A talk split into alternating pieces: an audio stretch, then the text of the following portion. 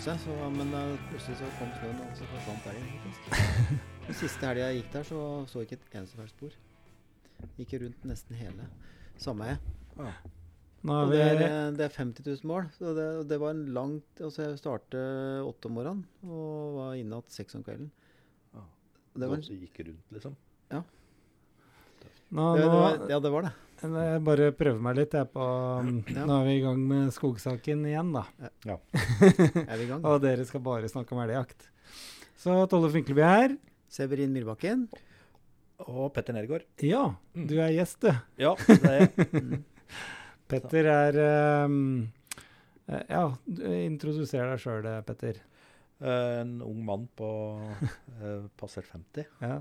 Det her er en podkast med tre hvite menn i 50-årene. Det passer nå. Nei, jeg er eh, da åmoting Ja. og eh, relativt interessert i skog. Så har, eh, har bakgrunn som skogbruksleder i mange år for Glommen, Ja. eller Glommen Mjøsen. Nå Du, du har vært med oss i en pod før, da du var sk- skogbruksleder. stemmer det. På Rundasjøen. Ja. Ja. Da, da drev vi med sluttavvirkning, var det vel? Mm. Og så var vi på hytta, og så løp vi rundt og så på der. Der er det jo nå sådd furu, da, ja. på det feltet. Mm. Altså, jeg husker ikke helt tema, men det var vel Vi var og så på pågående drift. Ja, det var pågående hogst, ja. Og Vi prata med en Sebastian, som er Ja. i Games Ja, ja. fremdeles. Og så ble det litt for tøft for deg å jobbe som skogbruksleder, ikke sant? Så du Ja, hoppet over til etter 20 år i Glommen Mjøsen så sa jeg opp den jobben, og så begynte jeg på Evenstad. Underviser i skog der. Ja. Så det, Hvor lenge har du vært undervisende, egentlig? Er det to år? Nei. nei, jeg har eh, Skal vi se. Jeg begynte her i 2020, da. Ja, ja. Du er professor blitt, altså. Nei. så Hva er Det er? Professor, det er, er det en tittel? Ja, det er jo det. Ja, okay. Så, Du må ha tatt en doktorgrad, og så må du, eh, må du få en stilling. Ok. Du må få en professorstilling, må du ikke det? Ikke, ikke, Ja. ikke Jo sett Petter i sånn pinlig lys. Nei. Han, han er jo i akademia blitt. ja. ja, da. Nei, så jeg er ansatt som uh, lærer. Ja, Ja. Høyskolelærer, Ja. faktisk. Ja, Så perfekt. Det er det vel uh, uh, Jeg må da ha et opprykk som lektor etter hvert. Ja. Ja. OK. Så, Men hva er det du underviser i? Skogskjøtsel? Skogforvaltning? Ja, skogskjøtsel. Skjøtsel. Altså et emne som heter produksjonsskog. Ja. Og det er da fra hogstklasse to til fire. Eh, Mm, Ja. Og så er det et eget emne som heter foryngelseshogst, som Mm. Stig Ole Stener underviser i. Det er da hogstklasse én og fem. Så dere har delt det sånn? Ja. Yes. Det har vært sånn fra før jeg begynte her. Og så underviser jeg i eh, skognæringen i Norge, som liksom er introduksjonskurs i skogbruk Mm. for høyskolestudenter. Mm. Og så begynner jeg da med skogøkonomi nå på nyåret. Ja. Det er nytt for min del, da. Mm. Er det et uh, rent praktisk uh, skogøkonomi, sånn at du er innom skogfond og virkesavregninger og sånn, eller er det Ja. in investerings... Ikke sant? Det er sånn teori, da, for eh, økonomisk hogstmodenhet, C-maks og alt det der. Det er litt, litt sånn teori, men er du eh, på en måte innom litt sånn praktisk um, Det er forvaltning, da? Ja, det er det det er basert på. Så han Petter Øksæter, som Mm. nå jobber på høyskolen på Rena, Mm. eh, underviser i økonomi og regnskap der. Han har hatt et par samtaler med han. Og det blir han underviste i skogøkonomi økonomi på Evenstad Ja. i en god del år. Det? Uh, så Han var Vittas da jeg gikk på oss, husker jeg. ja, Han hjalp meg med, med datakjøring i et sånt simuleringsprogram som heter Gaia Gaia Ja. JLP. Ja, det heter jeg. ja, han har i hvert fall uh, ja, bistått meg mye da, med hvordan vi legger opp uh, undervisninga når uh, skogøkonomikurset begynner igjen på Evenstad nå. Ja. Så det er jo litt Det blir jo den eh, kanskje mer praktisk anvendte med Mm. valg av bestand, valg av ja, for investeringer, foryngelsesmetoder. Mm. Ja, Interessant, da. det er jo det. Ja. Så har jeg vel prata så vidt Kanskje litt med deg og Tollef vedrørende det med verdsetting av skog. Ja. Vi That's our specialty. Ja. Nei, er vi, vi satser jo på å ha noen gjesteforelesninger, både Mm. med eh, ja, med dem som representerer staten, og privat. Og, Ja. Ja. Verdsetting av skog, det favner alt, det. Eh, Da må du i utgangspunktet kunne alt. Produksjon, kvaliteter, drift Det er en fordel å kunne det meste da, egentlig, når du skal sette verdi på noe. Ja, rotnett. Så det du sier, er at vi kan alt.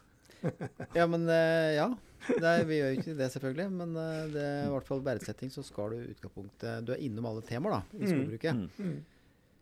Jeg slet litt uh, med verdsetting. eh, jeg representerte staten i et sånt uh, naturreservat i ja, Jeg trenger ikke si hvor, men i hvert fall så der var det kommet opp en problemstilling fra grunneieren at han skulle ha erstattet For det var jo mye sjeldne arter i det her området.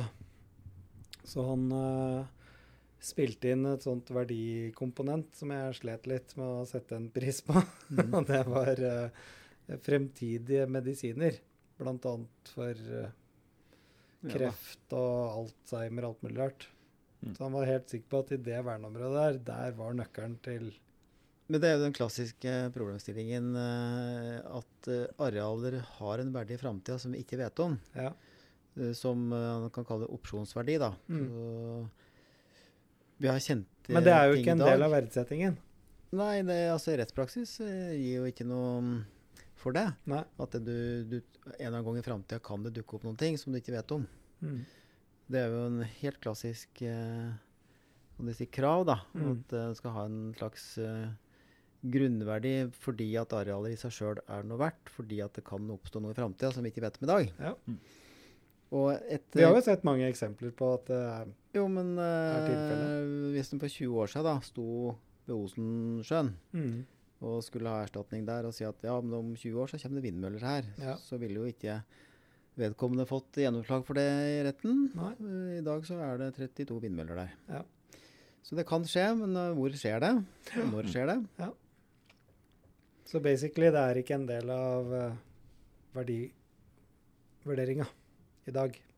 Men hvis du priser eiendommer eh, som skal selges, da, Mm. og du kan du si sannsynliggjør eh, La oss si at det er snakk om eh, solcelleparker og vindmøller og ja, potensialer som rører seg i samfunnet, Mm. så kan det hende at eh, markedet eh, priser det. For de Ja. tenker ja, gi litt mer enn den vanlige Ja. tømmerstrømverdien og jaktverdien. fordi at det, ja, det å eie arealer i seg sjøl er noe verdt, så jeg, jeg gir litt mer. Så der kan det hende. Men akkurat i erstatningsretten så får du ikke det. Det er helt klart. Men i skogøkonomikurset på Evenstad for bachelorstudenter så berører vi ikke den problematikken. Det skal jeg i hvert fall styre unna. Sier, vind, sier vindkraftkongen. Jeg har lest skattelisten, skjønner du. Nei da.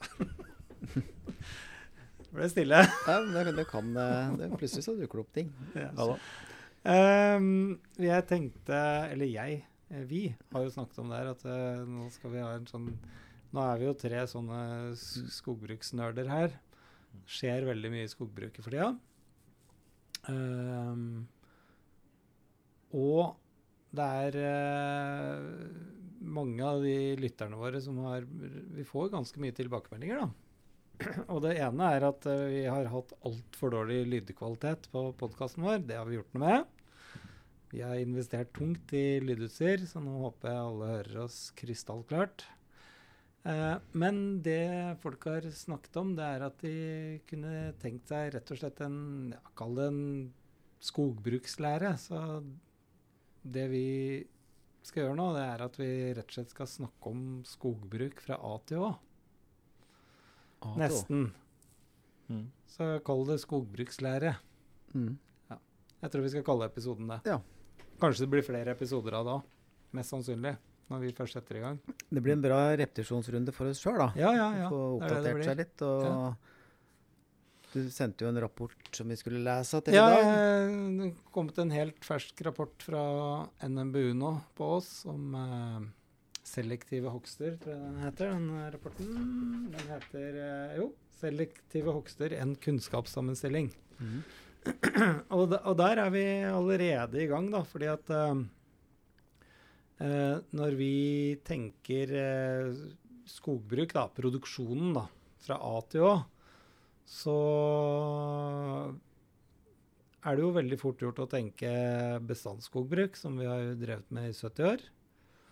Ikke sant? En uh, gammel skog, hogstflate, og så sette i gang ny skog, og så ny runde. Mm. Det har vi drevet med siden 1950.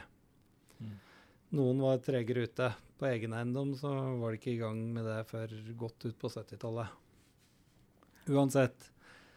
Eh, det blir jo på en måte ett system, men nå er det jo så mye snakk om lukkede hogster og selektive hogster. Så, mm, så vi må på en måte, hvis vi skal snakke om skogbruk fra A til Å, så må vi bare ha sel eller lukket hogst i eh, bakgrunnen. Altså for det det er i hvert fall nå så er det jo samme hva slags eh, hjemmeside eh, så, som har med skog å gjøre nå, så er det jo bare lukketakst, luk, lukketakst, hogst, lukket hogst, lukket hogst, lukket hogst.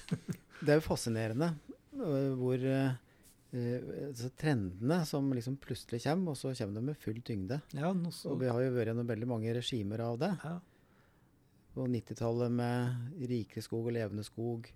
Da var det dårlig rotnetto, og da skogbruket var i, rett og slett blitt en liten næring. ja.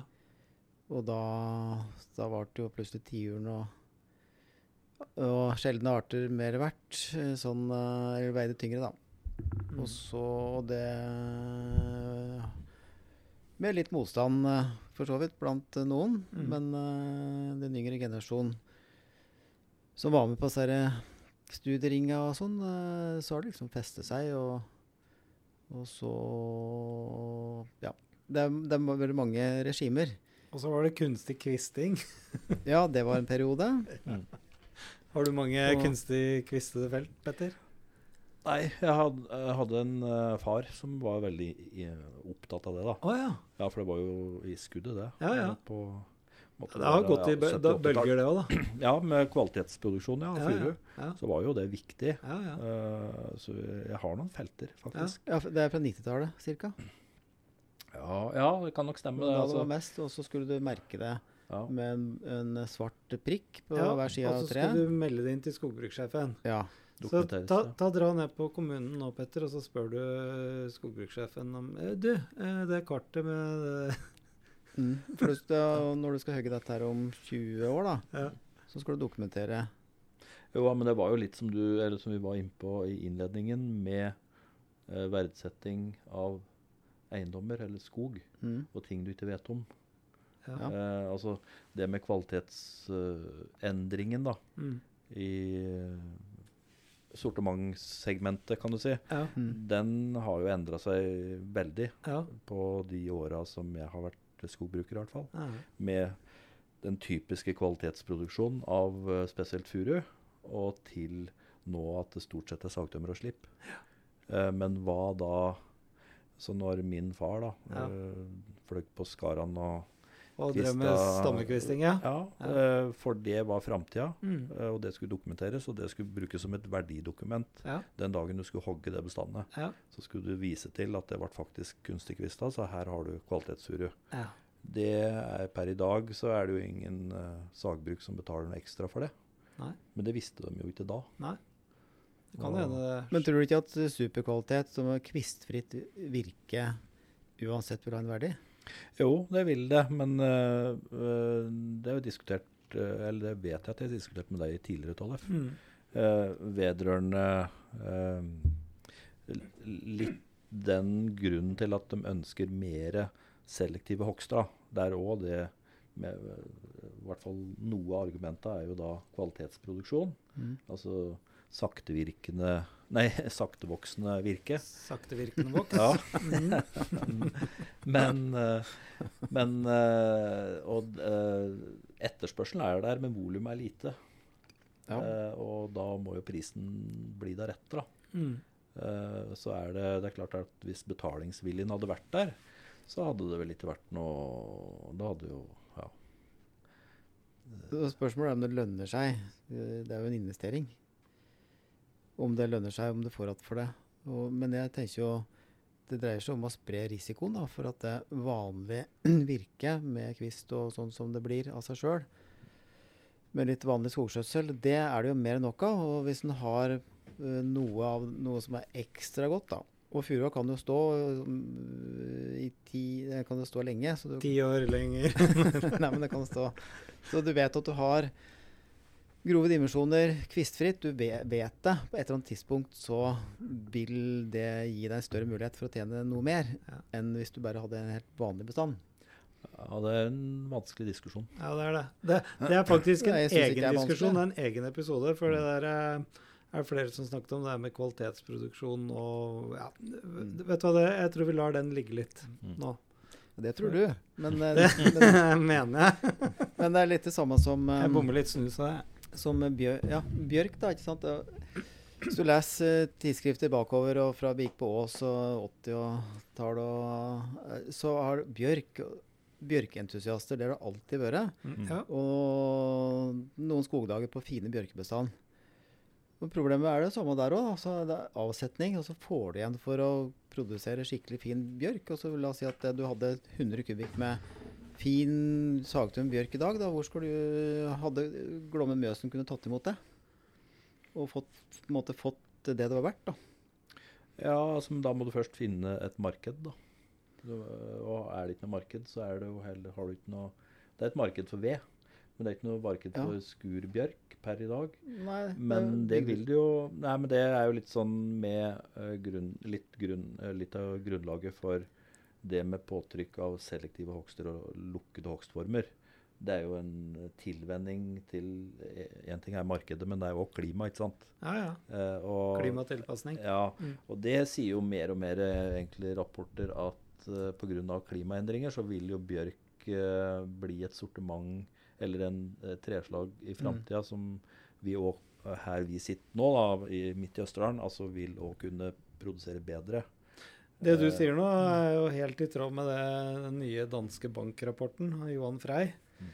Han eh, er jo ganske klar på at det vil måtte vokse frem eh, et marked for, for løvtrær.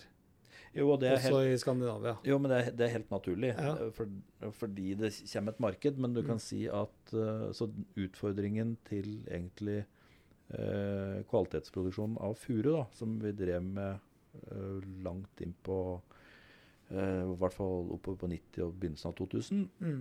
Uh, det markedet er liksom mer eller mindre borte, eller det har blitt mye mindre pga. Ja. at endringer i byggestil. Og, Ja, ja. og så har vi jo en teknologi som gjør at vi greier å lage kvistritt virke uh, ved å skjøte og lime. Ikke sant? Det, og, og akkurat den der der òg Skrev jo eh, Danske Bank om for eh, ti år siden. Altså, og der er vi nå. Ja, ja. Og Ja. Da, da, men da, jeg òg har tro på det som en Severin sier, at eh, jeg tror jo ikke Jeg tror at etterspørselen etter kvalitetsfuru aldri vil bli borte, og kanskje vil den liksom, eh, få en ny vår. da. Mm. Og da kan vi jo stille spørsmål om hvor riktig er det da å plante furu som vi driver med, ganske, eller har gjort da, i ganske stort monn. Men nå er det jo ting som tilsier at vi kanskje skal så mer og satse mer på naturlig foryngelse. Men det, det, da går vi litt bort ifra den eh, volumproduksjonstanken Mm. og tilbake til eh, ja, litt eh, den selektive Ja, eh, altså, tanken. Petter, du må ikke vingle svært. Du må holde litt mer st- stø kurs. Ja. Men, men et av eh, kronargumentene til de som er veldig for selektive hogster, er jo kvalitet. Du har jo sånne entusiaster som, som driver eh, lukkede hogster, da. Mm. Og, og da blir det jo tettere årringer. Det vokser saktere. Mm. Og så håper en jo da at reglementet skal bli sånn at du får betalt for kvalitet. For at det er jo en Men kvalitet er jo hva du skal bruke det til. Men det Altså, vi forbinder med er kvalitet, jo- er jo at det er sterkere virke. Og høyere tetthet og mindre kvist gir jo sterkere virke. Mm. Men uh, spørsmålet er om det vi, man får betalt for det. Om det, det passer inn i Det får vi jo det vanlige konsesjonsvirket og det vanlige sortimentet i, hos byggmakker osv. Vi, vi, vi, vi må ha en episode med en treteknolog en dag. Ja. Mm. Eh, greit. Nå orker jeg ikke høre mer om det her. Nei da. For du, du vet hvor du vil, du. Eh, nå skal vi uh, snakke om uh, Ja, det er jo enten det er kvalitetsvirke eller massevirke, holdt jeg på å si, så er det jo en produksjon. Så det er det vi skal snakke om nå, egentlig. Ja. Har, tenkt. Har, vi- har vi tenkt? Jo, men vi, vi snakker om hva vi produserer. Ja, ja, ja. ja. Nei, men um, Mm.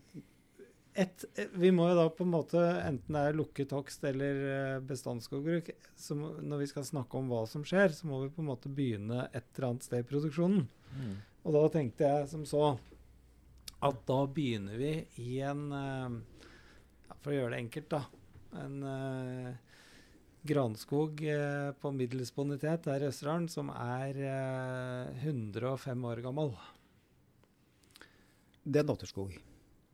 Ja, eller plukkhogd eh, Det òg er jo et begrep som er litt upresist. Ja, men det, det er ikke planteskog du tenker da? Du tenker at det er en ja, ja, det er jo det, da. skog som har Ja. eh, Det er vel veldig få som har 105 år gammel plantet gran i Ja. Østerdalen. Ja. Mm. Tror jeg nok. Ja, da begynner vi der. Så det er jo da normalt sett eh, vært eh, gammel, fin furuskog som de snøet snauet i 1910, og så er det grana som har overtatt. Det er den. Mm. Var det litt flåsete sagt, eller var det litt riktig? Det er mye riktig. Det er i hvert fall det vi kjenner til i, Mm. eh, her, ja, Ja. i Østerdalen. Ja. Ja, det er mye gran på furumark, egentlig. Mm. Eller det er jo både gran og furumark da, når det er sånn Men er, er du da på det lav det- Nei, men altså det, For eksempel eh, der vi, det, I forrige episode da vi var og så på den der lukkede hogsten som pågår hos meg Ja. fortsatt, så Furumark. mm, ble vi vel enige om at her har det vært furudominert en gang i tida. Mm. Så har de da tatt ut furua, og så har det selvfølgelig vært gran der òg i tillegg, som har overtatt. Mm. Så det er mye, mye sånn, da. Men eh, hvis vi da begynner med 100 år gammelt eh, granbestand 105, sa du. 105 år gammelt granbestand. Åssen ser det ut der, da? Ja, det er jo blåbærlyng. Mm. Ganske glissent. Det trenger ikke være det. Petter, hjelp meg nå. Ja, nei, men jeg er enig. Altså, eh, hvis, hvis utgangspunktet er litt som vi prata på, så er det kanskje blåbær-bærblanding. Ja. Eh, og domineres, det domineres av gran, da. ja, og så er det noen furer innimellom. Ja. Sant? Eh, Noen Store furer, frøfurer-aktig. Ja. Ofte så er det det, og du kanskje ser at uh, Normalt så er det jo at uh, grana er uh, Hun er jo ikke ensaldre, men Nei. du kan betrakte den som det. da. Mm. Men at uh, nede i rådrag og søkker så er det litt grov, uh, Ja. frodig, grei skog. Og Ja. så er det mer tørrment, og der er det granere dimensjoner, men i hovedsak gran der òg. ja. Det er jo egentlig et vanlig skogbilde. Det er det. Mm, det er det. Så Men jeg ser jo for meg at det er stor spredning i diameter på disse trærne. Ja. Det var det du sa. Men at det er litt sjikte, da. Mm. Det er kanskje dit du vil, Tollef? At du Eh, ja, maler et bilde om en ja, skikte og-? Og, og nå er det jo med ny PFC-standard, så skal vi jo i hvert fall på sånn skog så skal vi jo helt klart gjøre en vurdering på om skal det der eh, Mm. bestandet inn i bestandsskogbruket, eller skal det inn i et lukket hoggsystem. Mm. Men i hvert fall det som har vært vanlig fram til nå, er jo at eh, da er det inn i bestandsskogbruket med det. Så da foreslår jeg at vi deler opp det her i gangen at nå snakker vi bestandsskogbruk, og så kan vi ta lukket hogstsystemer etterpå. Ja. Er det For vi må snakke om begge deler. mm. Og at du nå tar det 105 år gamle bestandene og Sluttavvirker, sluttavvirker det, og, hva, ja, og hva, hvordan gjør vi det? Ja, og altså nå, Så nå skal vi snakke om det 105 år gamle bestandet, fra Ja. vi hogger det, til vi skal hogge det gjennom uh, 70 år. 70 år. Mm. 75 år. 73 Ja. ja. Nei, og da hadde det vel vært eh, Eller har det vært vanlig i hvert fall at vi snauhogg og kanskje sette att et og annet frøtre av eh, eh, Det jeg opplevde som skogbruksleder, var at det ble satt av frøtre litt ukritisk. Ja, Altså kanskje uten tanke på naturlig foryngelse, ja, men det ble bare satt igjen. ja. ja. Eh, Tenker du da som livsløpstrær, eller som Nei, frøtretrær, eller Nei, det ble satt av gammel vane. altså Skogeiere bare satte dem opp, Ja, ja. kan du si. ja, Som pynt, da, ja, ja. Nærmest. Jo, og så er det jo det at eh, furua den tåler å stå, og den blir egentlig mer verdifull jo lenger den står. Og så har vi i hvert fall de siste generasjonen her hatt eh, nok gran. Så prioriteten har jo vært å hogge grana, Mm. Ja. og så spare på furua. Det liksom, sitter jo litt i ryggmargen til den østerdøla i hvert fall. ja. Mm. Jo, det er, det er nok litt der, men at eh, sånn eh, forstlig da, så hadde kanskje en del av de furuene ikke trengt å bli satt att. Altså de ble satt att uten, beta- el- eh, uten Mm. tanke på Mm. foryngelse, Ja, ja. eh, men mer som, ja, kanskje som en Severin sier, da, at Ja. eh, Mm. Mm. jeg skjønner jo ikke helt tanken med det å at du skal sette av furu for at den tåler å stå. Det er jo ikke noe bedre økonomi i det. Nei. Nei, det, nei, det er ikke nødvendigvis økonomi i det. Men jeg tror ikke det er det at det vi også ønsker å ha et litt variert skogbilde. At eh, Jeg syns jo det når jeg går i skogen, uavhengig av produksjonstankegangen, at det, det at det store, fine furuer er bare fint. Mm. Ja, jeg har masse av dem jeg, som Ja. står igjen. Litt ukritisk. Og at du, du bryter opp plata, og så har du går det en skog med plantegran under, og så, eller kanskje kommer opp noe furu, da, hvis det er din ikke har tatt den. Mm. Og så blir det et variert bestand, og at det vi sånn generelt, uavhengig av skogeier, eller ikke syns det er fint. Ja. Med litt vari variasjon. Så selv i et bestandsskogbruk så er det mulig å lage en variert skog. Variert bestand. Ja, vi, ja, vi Mm. gjør jo det lite grann. Ja, men, jeg, ja, så, men det, det krasjer litt i huet mitt, da. Ja. Eh, fordi eh, når jeg leste min budsjett, Ja. eh, så Som er basert på Knut Skinnemons. ja, eh, Så er det bestandsskogbruket, og da eh, Så jeg har eh, hatt det som tanke. Men det, det er klart vi skal prate litt om lukke, hogster og sånne ting etterpå. Ja. Men da Så det å sette at uh, trær ukritisk for at de er pene Mm. Jo, jo, det kan du jo gjøre, da. Sånn. Mm. Men å ha det som en regel, bare for å liksom Mm. Det syns jeg forstyrrer litt, da. Så jeg Ba, har vel kanskje- bare for å hoppe litt fram og tilbake her. Altså eh, Er vi enige om det at Eller let me rephrase it. Jo, vi skal drive med lukkede hogster, bl.a. pga. PFC, men også fordi at det er mange som vil det. og ja, ikke sant? Så det, så det skal vi. Men er det realistisk å tro at vi skal begynne med lukket hogst på alt vi har? Det er en- det syns jeg er spennende at du sier, for at det, da, da, blir det ingen, er det ingen lek lenger. Nei. Ikke sant? Nå kan vi tenke at ja, vi, vi prøver, prøver oss med noen bestand, eh, la oss si 5 eller 10 av arealet vårt, bare for å morsomt å prøve. Men hvis det virkelig går utover framtidig inntekt for deg, Mm. sånn ordentlig, Mm. det er kanskje, det er kanskje derfor, det er et veldig fint spørsmål, egentlig. For da, da blir det alvor, Ja. rett og slett. Ja, men øh, jeg er jo da bestandsskogbruker. ja. øh, men så Ja, for du, har jo en, du driver jo en svær eiendom selv òg. Det glemte du å si i stad. Ja, du, det glemte jo, jeg å si. du er jo en av bygdens fremste Nei. Menn. Hadde jeg levd for 100 år siden. Ja. Så ja. Eh, men nei, men altså, jeg, jeg liker jo selektive hogster. Ja. Eh, og, jeg, og jeg mener jo det at vi kan drive eh, på et mye større nivå enn i dag, og det kommer vi til å gjøre i framtida. ja. Men som du sier, vi kan jo ikke gjøre det overalt. Nei.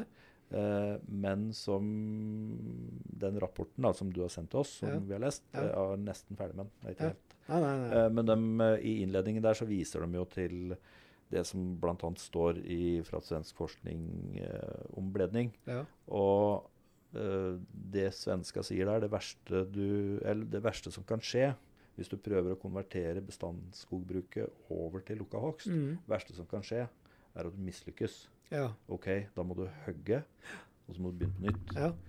Verre er det ikke. Nei, det har du rett i. Eh, men, men det å finne de eh, best egna bestandene, eh, så er det vel noe i underkant av 10% som vi mener eh, egner De sier seg. vel mellom 10 og 15 av arealet. Ja, det er mulig. Jeg syns 15 høres høyt ut, ja, jeg, jeg mener jeg har hørt under 10. Ja. Men Mm. det spiller ingen rolle. da. Men Nei. jeg tror at uh, i en mye større grad enn i dag Mm. uh, altså, Jeg tror jo at uh, vi sikkert får det til på 2025. Ja. eh, med rett innstilling og Ja. eh, kanskje litt flaks. Men Mm. vi kan prøve. Men man skal ikke ukritisk prøve overalt. Nei. Så det, det skal til, men det kommer fram i den rapporten òg. Det skal til mye kunnskap Ja. og forst, eh, ja, kunnskap og Mm. det er Ja, du må det. kunne faget for å drive med det. Det stiller jo høyere krav til kunnskap å drive med, med selektive hogster. Mm. Jo, og da er det du kan si eh, For oss som er syns skog og skogbruk er artig, ja, Mm. så er det jo lukka hogster er jo mye mer interessant. Ja, ja, for all del. enn Faglig sett, ja. Ja, ja, ja. ja, det er jo Ja, det. er Ja, det. ja, du må Ja, Så Det, det er viktig. For det, jeg tror de fleste Man må prøve å snu det til noe litt gøy òg, faktisk. Ja. Altså, jeg syns jo det er skikkelig gøy med den der lukkede oksen jeg driver med nå. Det er Det- kjempegøy. ja, i hvert er fall hvis jo- du lykkes, da. Ja. Det er jo ikke noe Ja. artigere enn det.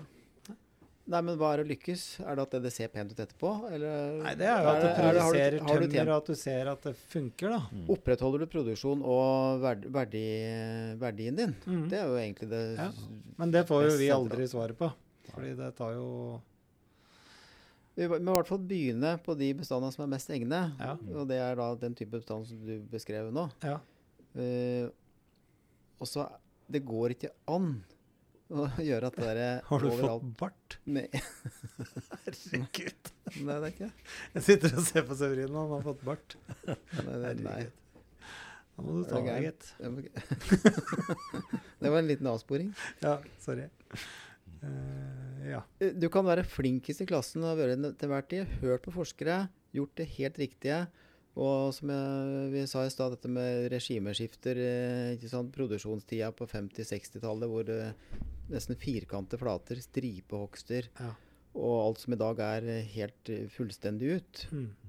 Og det, det på Og så er det gjennom eh, rikere skog på 90-tallet som du skal ta stedstilpasset og masse hensyn. Og, og du er flinkest. Mm.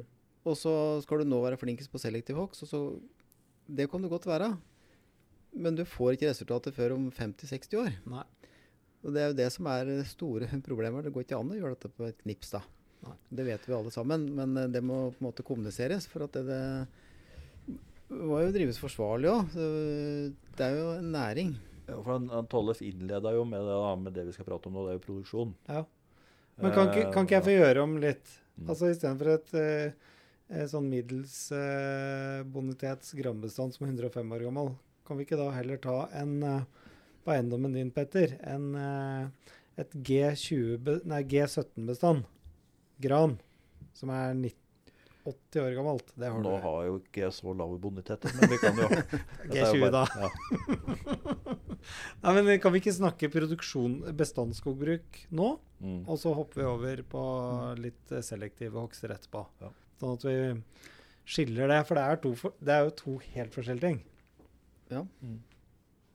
Eh, Jeg har også lyst til å spørre Petter etterpå. Han kan få tenke på det litt. For at det, den Du har jo da 20 000 mål i én firkant eh, med nesten bare gran. Nei, du har furu. Produksjon mye furu har du? da? 30 30 Mm. cirka. Men uh, uansett, da, så er 70 er uh, kulturskog og gran. Ja. Mm.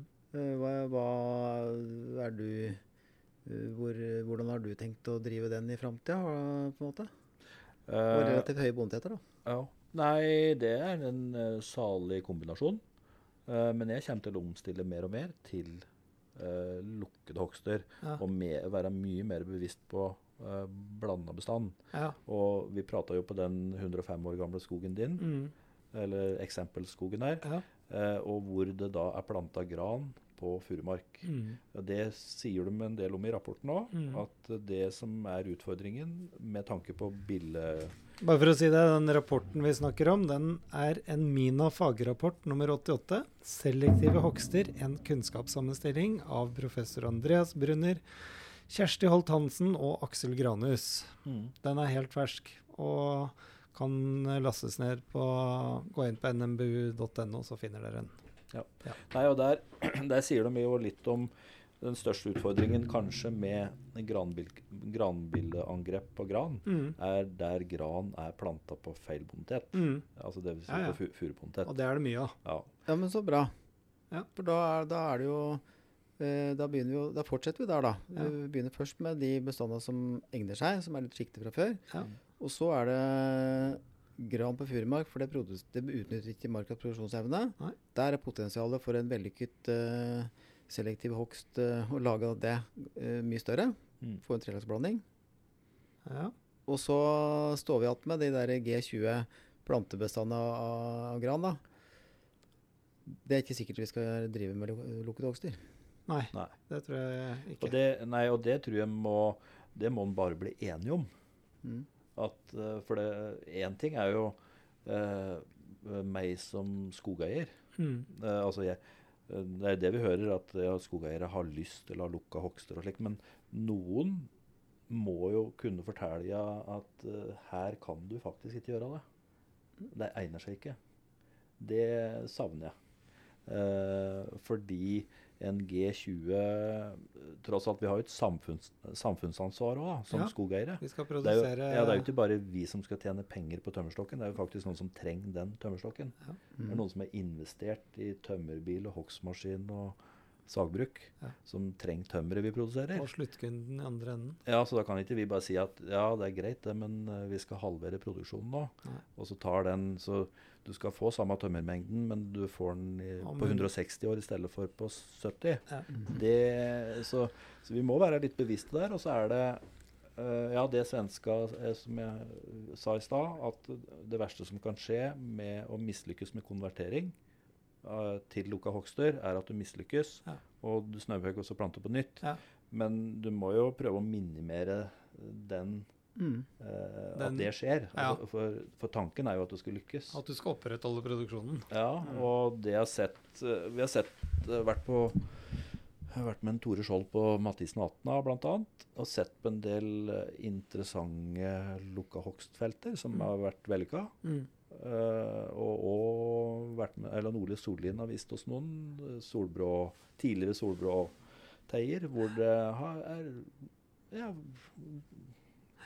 eh, vellykka eh, bledningsbestand. Ja. Hvor det er eh, bl.a. på Mathisen 18 det er ett bestand. da. Mm. Men der har de vært inne tre ganger med hogstmaskin. ja, riktig. Med sju-åtte års mellomrom. Å, så ofte. Ja. Og det er et uh, veldig bra bestand. Ja. Ja, det, det, det, ser bra ut nå. Uh, hvordan er økonomien i det, da? Ja, den er uh, en, eh, Det er Tore Skjold jeg må henvise til her, da. Men eh, de har avvirka en eh, jeg mener en like 7-8 kubikk per dekar Mm. eh, med 7 ja, års intervaller. Akkurat. Eh, og driftskostnaden har ligget en sånn 20 over Mm. eh, vanlige Mm. hogstutgifter. Ja. Den kan nok hende har endra seg nå, som egentlig maskinprisindeks og utgifter generelt på drift har, Har økt. da. ja. Mm. Men, eh, men det er jo Dette er vel en 14-17 bonitet på eh, 400-500 meter, 500 meter pluss, Oi. kanskje. Ja, såpass, ja. Ja. Ja, Så- nei, men det er gøy. Så jeg tror vi kan slå fast at det å, å ta ut tømmer i lukkede bestand er dyrere enn å hogge flate. Det er en kjensgjerning. Ja, Det er for å slå fast noen sannheter. Ja, men der òg er det jo litt eh, Snakket med en skogbruksleder nå. altså I en sånn bledningsokk så tar du jo ut grøvere dimensjoner og ikke lar de der små stå. Så det er noe med treantall òg. Det er jo Ja. treantall og kjøring som drar driftsprisen. Hvis du har gjort ungskogpleien din, så er det et, et uh, hogstmodent bestand I uh, har- Ja, ja, skal ha det, samme. Det, det er jeg 100 enig i. Men, Så, men, men det er du, så, det er ikke tvil om at det er dyrere å drive en eh, kall det gjennomhogst, da, som er samlebegrep, enn å hogge ei flate. Altså, jeg er helt enig i det. Men uh, det forutsetter jo da bl.a. at det har vært gjort ungskogspleie og sånt nå. Ja. Men uh, vet du hva, nå Fader, dere er tar altså så påvirket av treneren. Dere sitter bare og snakker om luktevokst. Det vi skal snakke om nå, er bestandsskogbruk. Ja. Her ser vi skikkelig skogbruk. Snøvokst og planting. Nei, men kan vi ikke gå gjennom det nå? Jo, det, det, det er det du prøver på. Ja, nå har jeg prøvd, en, nå har jeg prøvd i 40 minutter. såpass. Men uansett. Uh, vi har en, uh, en over middels til høy bonitets eh, granbestand, og det skal vi nå snauhage. Vi skal selvfølgelig sette igjen livsløpstrær, kantsoner mot bekk og alle de tingene der, men nå skal, her skal det produseres gran, da. Mm. Har vi vel blitt enige om da, i og med at det er en G20. Ja. Men vi skal vel ha mer løv inn i granbestanden, Petter? ja. Ja. Det er jo ja, Både PFC-standarden sier det, og Ja. anbefalingen sånn ellers òg. Ja, litt sånn klimatilpasning og sånne Ja. ting. Ja. Men, åh, nå prater jeg meg bort igjen. Men er det egentlig altså Det er mange som sier altså, du må ha masse bjørk inn i granbestandet ditt, for da det blir robust og sånt noe. Jeg har ikke sett noe forskning som uh, sier at et bestand er mer stabilt fordi det står noen bjørker inni her.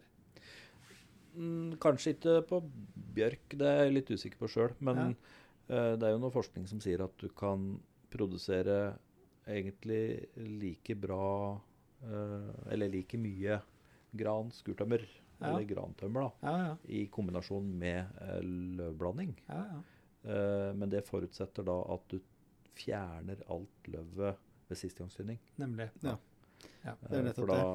Mm. Siste del av omløpet må grana få ha i fred. Da må Det er jo sånn generelt, da. Eh, når vi er ute og takserer skog, som, og eh, skogregistrerer, som vi ofte gjør. mm. Når du kommer til sånne blandingsbestand hvor det er mye bjørkeinnslag, så er det et lavere volum der. Enn det eh, er der det er ren granskog. Det er sånne tynne grantopper. Og det er- sier seg jo sjøl, bjørk er jo lyselskende, og Mm. den trenger plass. Mm. Og hva produserer den egentlig? Og så kan du si at den nå har vi brukt eh, flere tiår på å fjerne bjørka. Ja. Og nå er bjørka like godt betalt som ja. eh, Så det, det er jo det òg, da. Den derre tidsperspektivet. Men, men, men det er en annen ting som slår meg nå. Det er at det er i hvert fall i de rundt oss da, som me mener mye, mm. så, så virker det for meg som om det er litt sånn osteklokke. At skogen skal Jo, nå skal vi ha en blanding mellom gran og furu og løv og ikke sant. Men skal du drive det For skogbruk betyr jo bruk av skog. Mm. Skogbruk synes. Mm. Det må vi være enige om. I hvert fall vi tre. og eh, da er det jo akkurat som du sier, Severin. Altså, eh, eller Petter. Da, jo, skal du gjøre det, så må den bjørka ut. Så når den, det granbestandet er 55 år, da, så må den bjørka ut. Ergo så er det ikke blandingsbestand i 100 år. Til slutt, nei. Nei. Så et bestand kan ikke se likt ut hele tiden, da. Nei, nei men det er, det er fullt mulig å få det til, men at du i et, uh, ren, eller et granbestand da, du Mm. bryter opp litt og har et løvholt, f.eks. Ja, ja. da, ja, ja, ja. da gjør det enk eller da gjør det skjøtselen enklere. Det gjør det. Og det er jo det vi må antageligvis uh, gjøre hvis vi skal opprettholde Ja. den store produksjonen. da. Ja. Mm. Men uh, for PFC-standarden er jo ufravikelig, så det er Ja, ja. jo, den Ja. må vi bare forholde oss til. Det det, skal jeg gjøre da, Nå skal jeg gå og hente produksjonstabellen. Bare se hvor mye bjørk uh, produserer etter 40 år kontra gran f.eks. Ja, Så, så kan dere prate så lenge. Ja, ja, ja. Løp og hent den og kom tilbake, da. Nei, men eh, det jeg tenkte, Petter, det er at eh, nå må vi komme oss inn på sporet her nå. Så mm. da er det i hvert fall lært, har jeg lært det, da, eller jeg bruker i praksis. Når jeg går inn i et bestand, så bestemmer jeg meg for foryngelsesmetode Mm. på barmark før jeg hogger. Ja. Er det riktig, du som er lærer? Ja. Ja. det er jo, det er jo ja, børsetten. Hvis du later som jeg er student nå. Nei, men det er jo naturlig, og vi prata litt på i stad, men det er det prata på i stad. Hvis det eventuelt da står noe furu der, Mm. så mener jeg da at det er gjort altfor mye dårlige valg, da. Mm. At uh, de furuen er ikke satt som frø, frøtrær. Nei. Altså det kan være satt som pynt, det er Mm. men, uh, Mm. men hvis du skal ha dem som frøtrær, så må du faktisk ha en mening altså Da må de ha en misjon Ja. eh, med tanke på foryngelse, Mm. som du da tar før du avvirker. Ja, ja. Så, men når vi prater om eh, bjørk og foryngelse av gran, så er jo markbredning veldig positivt Mm. for å få til mer bjørk, så klart. I Ja. kombinasjon med gran. Ja, det gjør det. Eh, men mange vil jo at de skal slutte å markbrede. Men det mener jeg at da, det vil jo gå utover løvet. Eh, sånn sett. Ja, for markbredning, det er, det er jo ehm, eh, masse forskning som viser også at eh, den grana du planter òg, den har du jo best de første årene på en markbredningsflekk. Ja, absolutt, og det, det er ingen tvil. Eh, det ser du med det blotte øyet. Ja, du gjør det. Uansett, og jeg mener at markbredning må vi gjøre Ja. hvis vi skal drive med en god, godt skogbruk. da. ja, for å få etablere skog, ja. Ja, men så blir det riktig metode, ikke sant. Og så Ja. vet vi kanskje litt for lite om uh, CO2-utslipp og slike ting, men det forskes det jo nå på. ja. Så der tror jeg vi vil få noen gode svar i løpet av noen år. Mm. Men, uh, og forhåpentligvis er det kanskje ikke så gærent som først har trodd. Nei, og så trenger man jo ikke å markbrede overalt. Nei, Men eh, det er jo absolutt noen steder hvor det virkelig har effekt, ja. Mm. Ja, Det her dreier seg om kultur òg, og også oppover i vår geografi så er det veldig vanlig markbredde. ja. Mm. Og i Sverige for så vidt. Men Ja. det er ganske mange plasser i Norge hvor de, hvor de ikke gjør det. Altså, jeg, jeg, kan, jeg mener jeg har sett noe tall på det en gang, nå husker jeg ikke det i farta. Men eh, det er jo veldig lite som markbredes i Norge. Ja, Mm. Veldig lite. det er oppover her. eh, Og når du kommer til Østfold og Vestfold, og så er ikke det så vanlig i det hele tatt, Nei. faktisk. Men jeg mener at vi er eh, gått for langt her. da. Jeg syns vi er for ukritisk. eh, Og det er den der skjematikken. ikke sant? Enkelt. Flathøgge, markbredde, plante og så ungsoppleie. Det er veldig enkelt. Mm. Eh, men det er ikke alle plasser det er nødvendig markbredde. Og markbredde er jo også litt sånn Ja, det koster jo penger eh, Hæ? Ja, det koster penger òg. Ja, det koster penger, men så kan du si du henter inn at det er ved at det er billigere å plante, og Mm. så at det gir en høyere produksjon. Mm. Så det er en investering, da. Mm. Men eh, det er jo ikke alle som er eh, like glad i markbredning langs en tursti.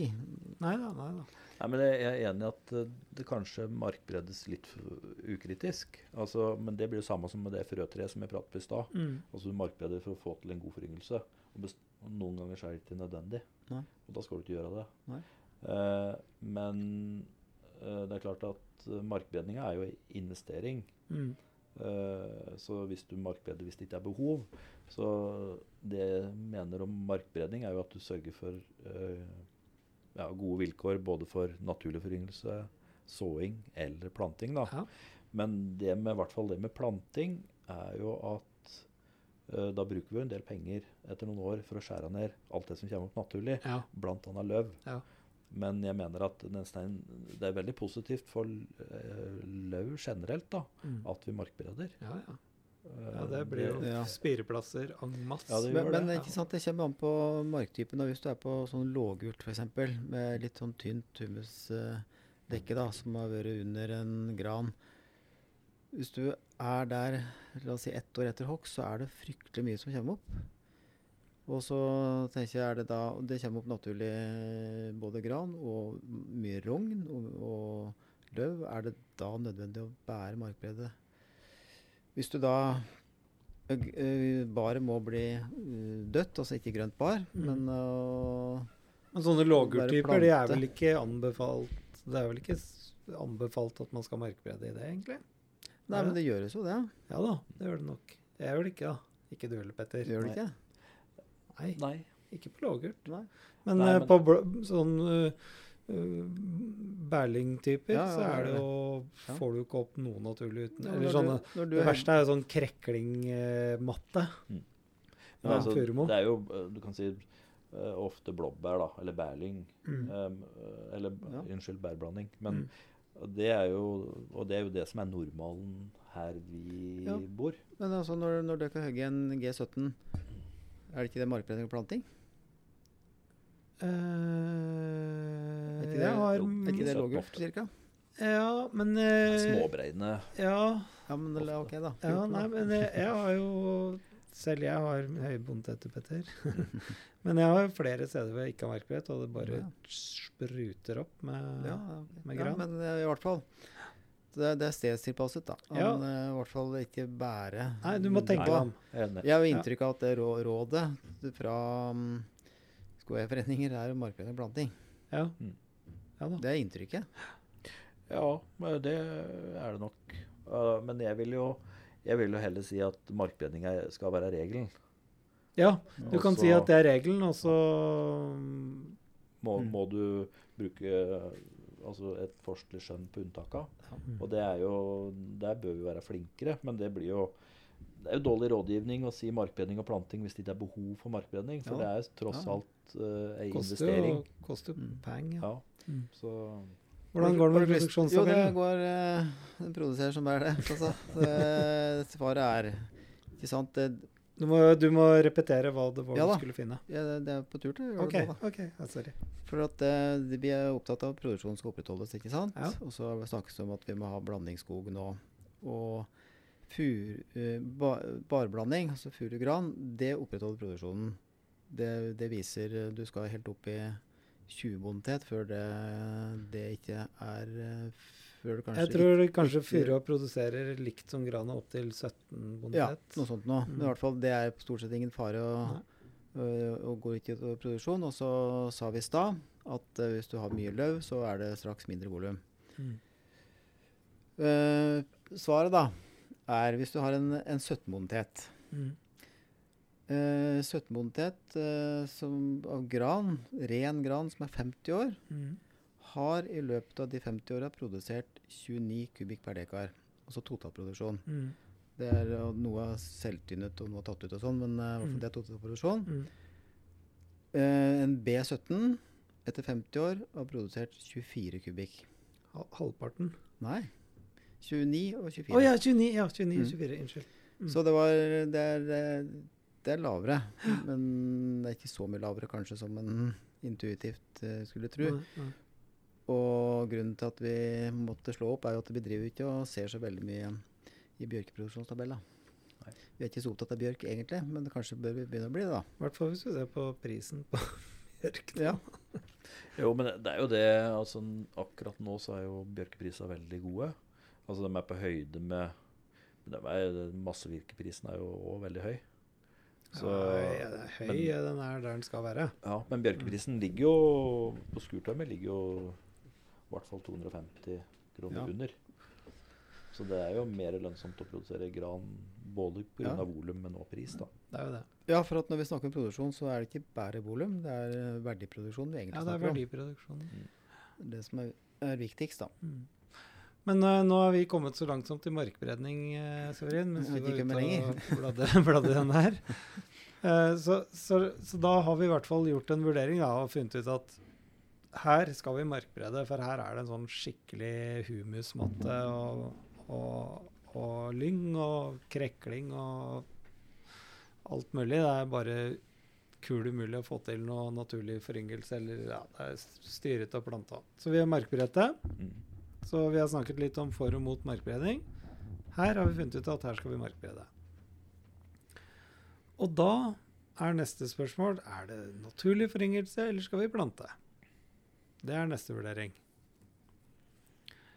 Mm. Legger vi flata sånn at den eh, skal sås naturlig fra kantene? Har vi noen nabobestand som kan stå i 30 år til, sånn at det dytter på med Mm. frø, eller skal vi plante? Godt spørsmål, Tollef. Jeg er veldig god til å stille spørsmål. Jeg har vært sensor, vet du. Fordelen med, ja, fordelen med naturforyngelse er at det, du, det koster ingenting. Nei. Det Men det koster ja. Tid er. Ja da. penger. Eh, ti, ti års forsinkelse, Ja. det, det, og det blir fort det. Mm. Det utgjør uh, 20 av uh, verdien på skog. Ja. Altså det at du har omløpstider på 80 år i stedet for 70 på en hel eiendom, utgjør 10% av, nei, 20% av nåverdien. Mm. Ganske så, mye. så, det, så det å Mm. vinne tid er ganske verdifullt da. Ja, og det, det er veldig fokus på, i hvert fall på produksjonsskogbruket. da. Mm. Men øh, Og det i hvert fall som vi bruker litt som regel for studenter, er jo at altså øh, ventetid, naturlig foryngelse, 5-15 år. Mm. Og da å si at det er nærmere 15 enn 5, Ja. øh, det er som regel i hvert fall Mm. Mm. øh, erfaringen, da. ja, ja. 15 år er lenge. Men, eh, men det er klart, eh, høyde over havet mener jeg er eh, liksom alfa og omega med tanke på naturlig Ja, det er det. Mm. altså frø, Er det over Mm. 400 meter, så begynner det å bli litt Mm. uh, kilent. Ja, det gjør egentlig det, og det. Men det jeg ser, er at i hvert fall på uh, naturlige foryngelser eller markbredde felter Mm. med naturlig foryngelse Når Ja. du går og ser ofte etter furu, da, Ja, ja. så er, det, er du på under 400 meter, kanskje Ja. sånn tre, 300 pluss Ja. minus, Ja. så er det utrolig mye gran. ja. Så Mm. grana frør egentlig ganske greit Ja. i, Ja. i det høydelaget. Mm. Men kryper du over 400 meter, så begynner det å bli dårlig. Glissent. Men et varmere klima gjør jo kanskje at det blir oftere frøår i høyden òg, Mm. Enn det vi Kan, lærte. kan du fortelle litt om frøår og modning? Jeg kan ikke fortelle deg så mye om det. Bare vet, jo, Det, krever, det krever i hvert fall uh, litt sånne varme somre. ja, for varm sommer, og da kommer frøa året etterpå. Sånn grovt sagt, da. Ja. Så ja. Men jeg, jeg holder en knapp på at nå har vi bestemt at her skal vi plante. Jeg har, jeg har lyst til å, å nevne som skogbruker et bestand jeg er fryktelig fornøyd med. Ja, kom igjen. Og det ligger jo da eh, på Garstein, som da er den, den, den skogen som blir mest ført opp, eh, rett og slett. Du er på joggetur der hver kveld, du. ja, det er det veldig ofte. Ja. Og det, det ble hugget i januar 2009. Å ja, Det høres ikke bra ut, ikke sant? For finanskrisa og pan panikk omtrent. Men uh, i hvert fall så var det, det var et granbestand. Ja. La oss si at det er, det er kanskje en 17, kanskje 14-17. Ja. Og så uh, fikk jeg um, Arne Negård til å, med gravemaskina si Ja. eh, til å markberede i snøen. Altså i januar? Eh, det var i mars ca. Mars, ja. Mm. På vår, Eh, vårvinteren, liksom? ja. ja. Det var fortsatt snø, og han markberedte. Ja. Og så ble det plante våren 2009.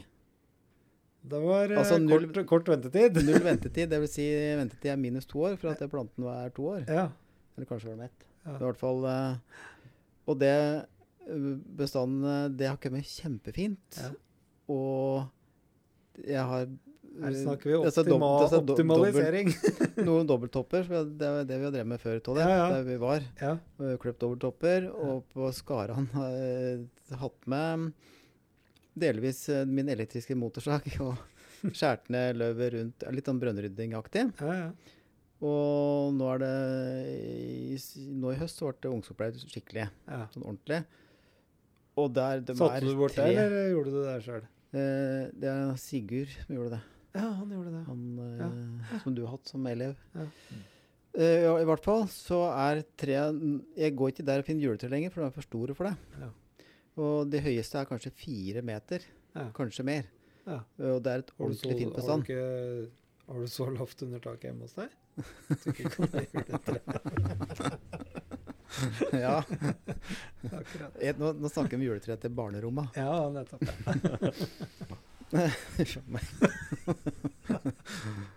Eh, kan jeg si som uh, ordentlig skogbruker, da det, det blir kanskje feil å si, da. Men uh, det, er, det, er, det er morsomt, det òg. Ja, fantastisk. Ja. Det er jo helt strålende. Kanskje humle på stedet der blir 50 år, liksom. Ja, ja, ja. Om 40 år, og det er kjempebestand. Fordi at eh, på et markbredt felt, Petter, med foredlet eh, planter, Mm. så det, er- det Vi har jo sett det.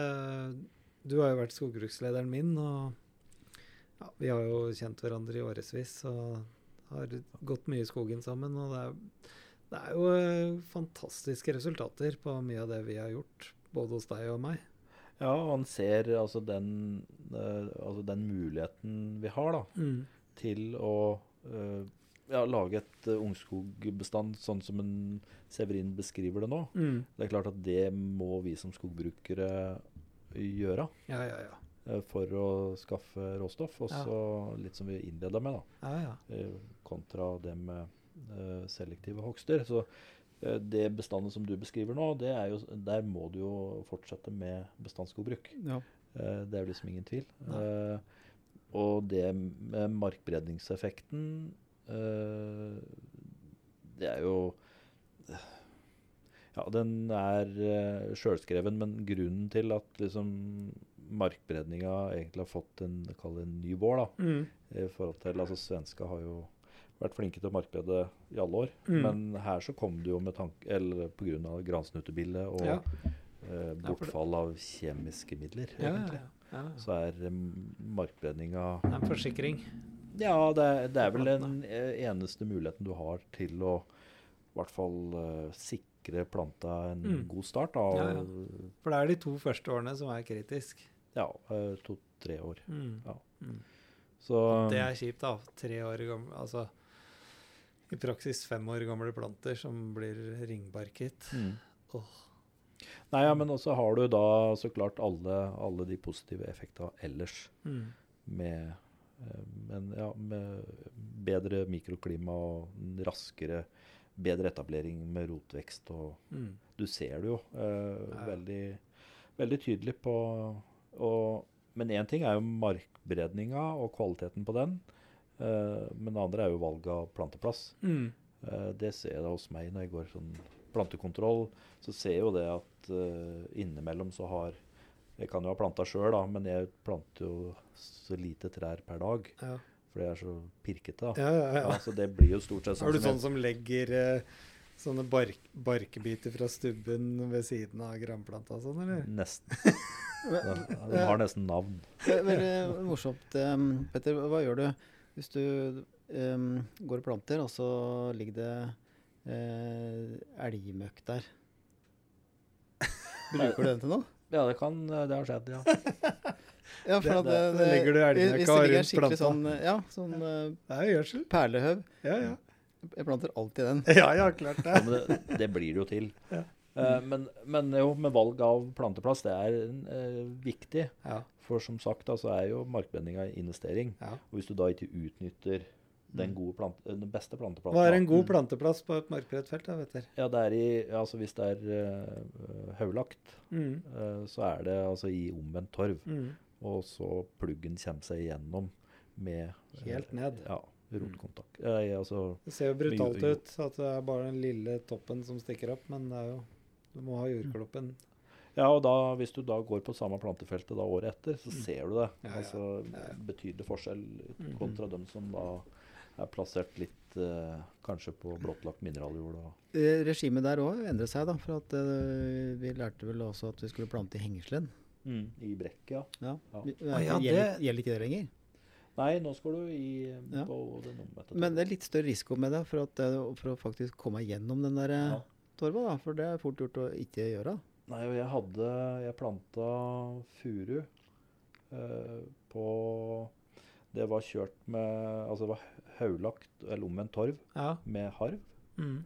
eh, Brekkeharv. Mm. Og så ble det planta i 2018, Mm. tørkesommeren. Å ja, den verste der, ja. Ja. Og så var det, ikke alle som kom igjennom. Nei. Og dem daua jo. Men de som hadde kommet Ja. gjennom, de klarte seg. De klarte seg. Mm. Jeg sådde den eh, våren, jeg. Ja. 18. Og var jo livredd. Vet du. Jeg hadde jo sådd ganske mye. Mm. Det gikk helt strålende. Mm. Selv i 2018. Kvalitet på planting og ja, såing og for så vidt da, Mm. er jo da superviktig. Du Mm. vet aldri når disse tørkesomra kommer. Nei.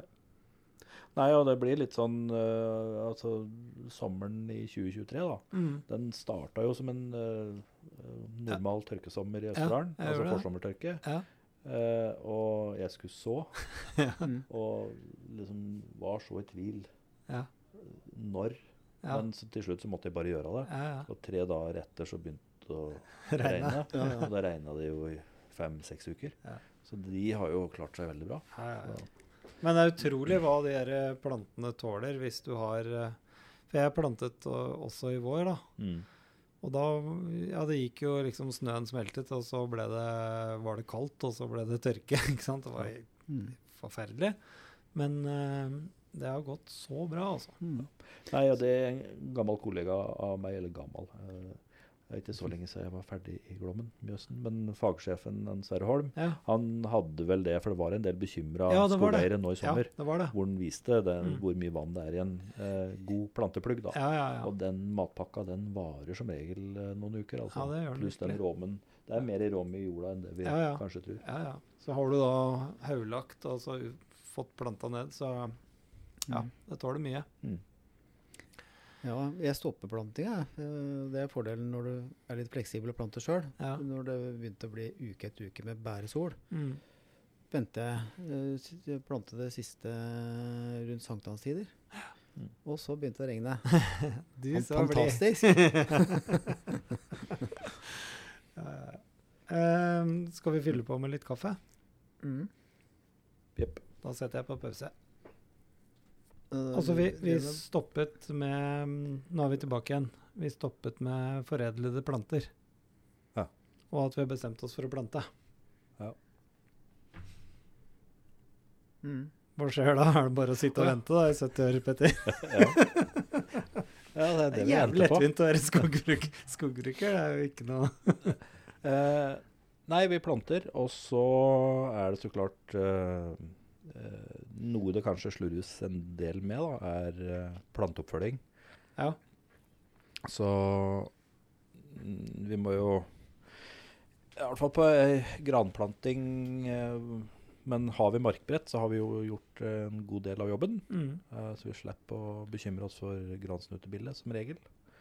Men eh, du må jo gå over Jeg har jo sett felter som allikevel går ut av en eller annen årsak. Mm. Om det er eh, feil plantetidspunkt eller eh, For, for det er vel også, også et poeng med den der markberedningen, er det gransnutebildeproblemene. Ja, ja. I hvert fall, eller i hvert fall fått mye fokus Ja. uh, de siste kan du si, ti åra. da, Ja, ja. etter at uh, muligheten for kjemisk bekjempelse har blitt gradvis borte. Severin, snus. Hæ? Har du snus? Den der behandling, voksbehandlinga. Hva heter den for noe? Eh, det, er, det er mange typer, men Coniflex blant Ja. annet. Er ikke det sand, en sånn sandblanding av greier? Eh, Det er eh, lim og sand, eller silikon og sand, vel. Ja. Det hjelper. Ja, det, de har vel i hvert fall Der er det gjort mye forsøk, og jeg har hatt noen studenter som har hatt eh, bacheloroppgave på det. Ehm, så det viser jo det at det holder problemet i sjakk i stor grad. Mm. Det var vel en Det vel, var vel noen forsøk som viste at gransnutebilen gikk over. Altså over det behandlede området. ja. Men uh, det tror jeg de har eh, eller fått til livs nå. Men, men én ting er jo Nå har vi bestemt oss for å plante, men når man da har fått de der plantene, det er liksom hvordan skal du behandle dem? Det er litt viktig. Det er vel kanskje trygt da, nå, hvis du bestiller eh, Allskog eller Glommen Mjøsen eller ja, til å gjøre jobben, så jo de, har jo de opplæring. Men vi, sånn som du da, Severin, som planter mye sjøl, Mm. er du flink til å behandle de plantene du får? Behandle dem. Og de jeg, jeg behandler da ikke med planter. Nei, men du behandler dem pent, det er poenget mitt. Da. Ja, sånn, ja. Eller tar du de opp på tilhengeren og kjører i 100, Nei, og, så Jeg det gjør det blåser? etter og- forskiftene. og Når jeg kjører dem hjem igjen, så dekker jeg det til dem midt på utatt vind. Og så skulle hatt et kjølelager, da. Det har sikkert du. Men uh, jeg Jeg henter, ikke- henter ikke ut mer enn jeg trenger til helga, liksom. Nei. Og så er det jo våren, og det er jo ofte en snøfonn bak uh, låven, og så legger dem der. Når du kommer ut i skogen, hva gjør du da? Nei, da legger de dem bortunder skyggefullt og fuktig. Ja. Ja, gjør det. Ja, ja, ja nei, den, Er du i tvil om det? Nei, nei, nei, jeg bare sier hva man skal gjøre, Ja, sånn at lytterne våre liksom Ja, nei da. Det er, det er jo ikke sol, ikke sol og vind-eksponering, og så få dem i jorda så fort som mulig. Ja. Og så kjenne etter, da. Eh, Fordi at det, de- det er jo noen svake ledd, ikke sant. Det, det er jo en logistikk her. Og de som lever plantene, får jo det på plantelageret. Hvor lenge ligger de der? Mm. Og så videre. Det er greit å ta en stikkprøve og bare klemme. Du, du, Ja. Det er jo sånn, Skal du klemme på pluggen, så skal du på en måte skvise Ja. vann ut av den. Ja, Så Jo, det er vel undersøkelser som har vist at det, etter at du tar planta ut av kjølelager, så bør planta i bakken innen ei uke. mm. -hmm. Og går det ytterligere ei uke, altså 14 dager, så ser du uh, forskjell på kvaliteten på Mm. planta på høsten. Mm. Så, så det er, jeg skal ikke undervurdere Nei. plantebehandlingen. Der. Men hvis alt der vært eh, gjort optimalt, da, da har du fått plantet det der. Mm. Og du, som du sier, Petter, altså tar du våren etterpå og, tar, eh, og sjekker at Foryngelseskontroll, ja. Foryngelseskontroll, er det våren etter, eller er det to år etter? Man bør uh... Nei, vår eller høst anbefaler jeg, da. Ja, Uh, men jeg syns våren er fin, for da ser du Ja, da er det lett å se. Mm. Uh, men det er klart at da har jo Har du vårplanta, så har jo planta liksom egentlig bare fått satt eh, rot, da. Mm. Men du ser jo om man har overlevd eh, første vekstsesong. Ja, ja. Så Har den overlevd første, så er det i hvert fall gode muligheter for at den klarer neste. ja, ja, og så er det det å egentlig komme i gang eh, hvis du har en markbredningsflekk. Det er jo det er ferskvare. eh, På hvert fall på gitte boniteter. Og da er det jo, hvis du skal eh, i gang med Hvis du har hatt en stor avgang og skal i gang med suppleringstiltak, da, eller suppleringsplanting, Mm. så bør jo det skje ganske eh, fort. da, Mm. eh, en fordel. Mm. Så sånn sett så bør foryngelseskontrollen eh, gå kanskje så tidlig som våren etter. Og så sier vi at eh, alle her, dette ser veldig bra ut. Da er det bare å slappe av. Ja, da slapper du av en to-tre år, da. Ja. Nei, litt, Det er litt, jævlig stress. ja, nei, litt, litt, litt avhengig av skogbruket. eh, På en, eh, du kan si en G11 så skjer det jo ikke stort. Nei. Eh, Men det må jo følges, du må jo følge med. Mm. Eh, Men det har jo vært mye, mye bestand som eh, planter bestand, og så etablerer feltet seg. Ja. Eh, og så blir det granplanta eller kulturplanta kanskje opp i knehøyde, og så begynner da løv, løvoppslag og konkurrerende vegetasjon. da. Ja. Eh, men da må du jo gjøre ei vurdering på Ja, jeg har hatt på sånne gode boniteter, så har jeg eh, klasket til med brønnrydding jeg, Mm. på sånne felt. Da, Da har du allerede kommet langt. Da er du ferdig med suppleringsstadiet. da, da har du faktisk eh, Kanskje etter fem år er brønnryddet. Fem-seks år. Ja, og det, er jo- det er jo billig, ikke sant? For at Ja. det er så kort. Så det, du tar mye areal på veldig kort tid. Ja. Jeg er ikke enig. Nei. Nei? Uh, jo, nei, brønnrydding drev vi med i Glommen nå, husker jeg. Mm -hmm. Uh, og det var, men det, det var jo da tidlig 2000-tall, Ja. Mm. uh, når tømmerprisa var dårlig Ja. og investeringsviljen var lav. ja. Mm. Så brønnrydda vi, og det ble vel òg gjort noe oppfølgingstiltak på Mm. de felta, uten at jeg husker resultatet av det. For jeg har et sånt felt. Det Mm. er mm. G17 pluss. Mm. Perfekt forringelse. Kjempebra. Og der hadde jeg brødrenydding. Og jo da, og det suste opp. Men så gikk jeg der, vet du, og tok med meg han derre forskandidat Myrbakken til skogs med hans elektriske huskvarna. På en sånn pod vi hadde i kjempefine forhold i november en gang.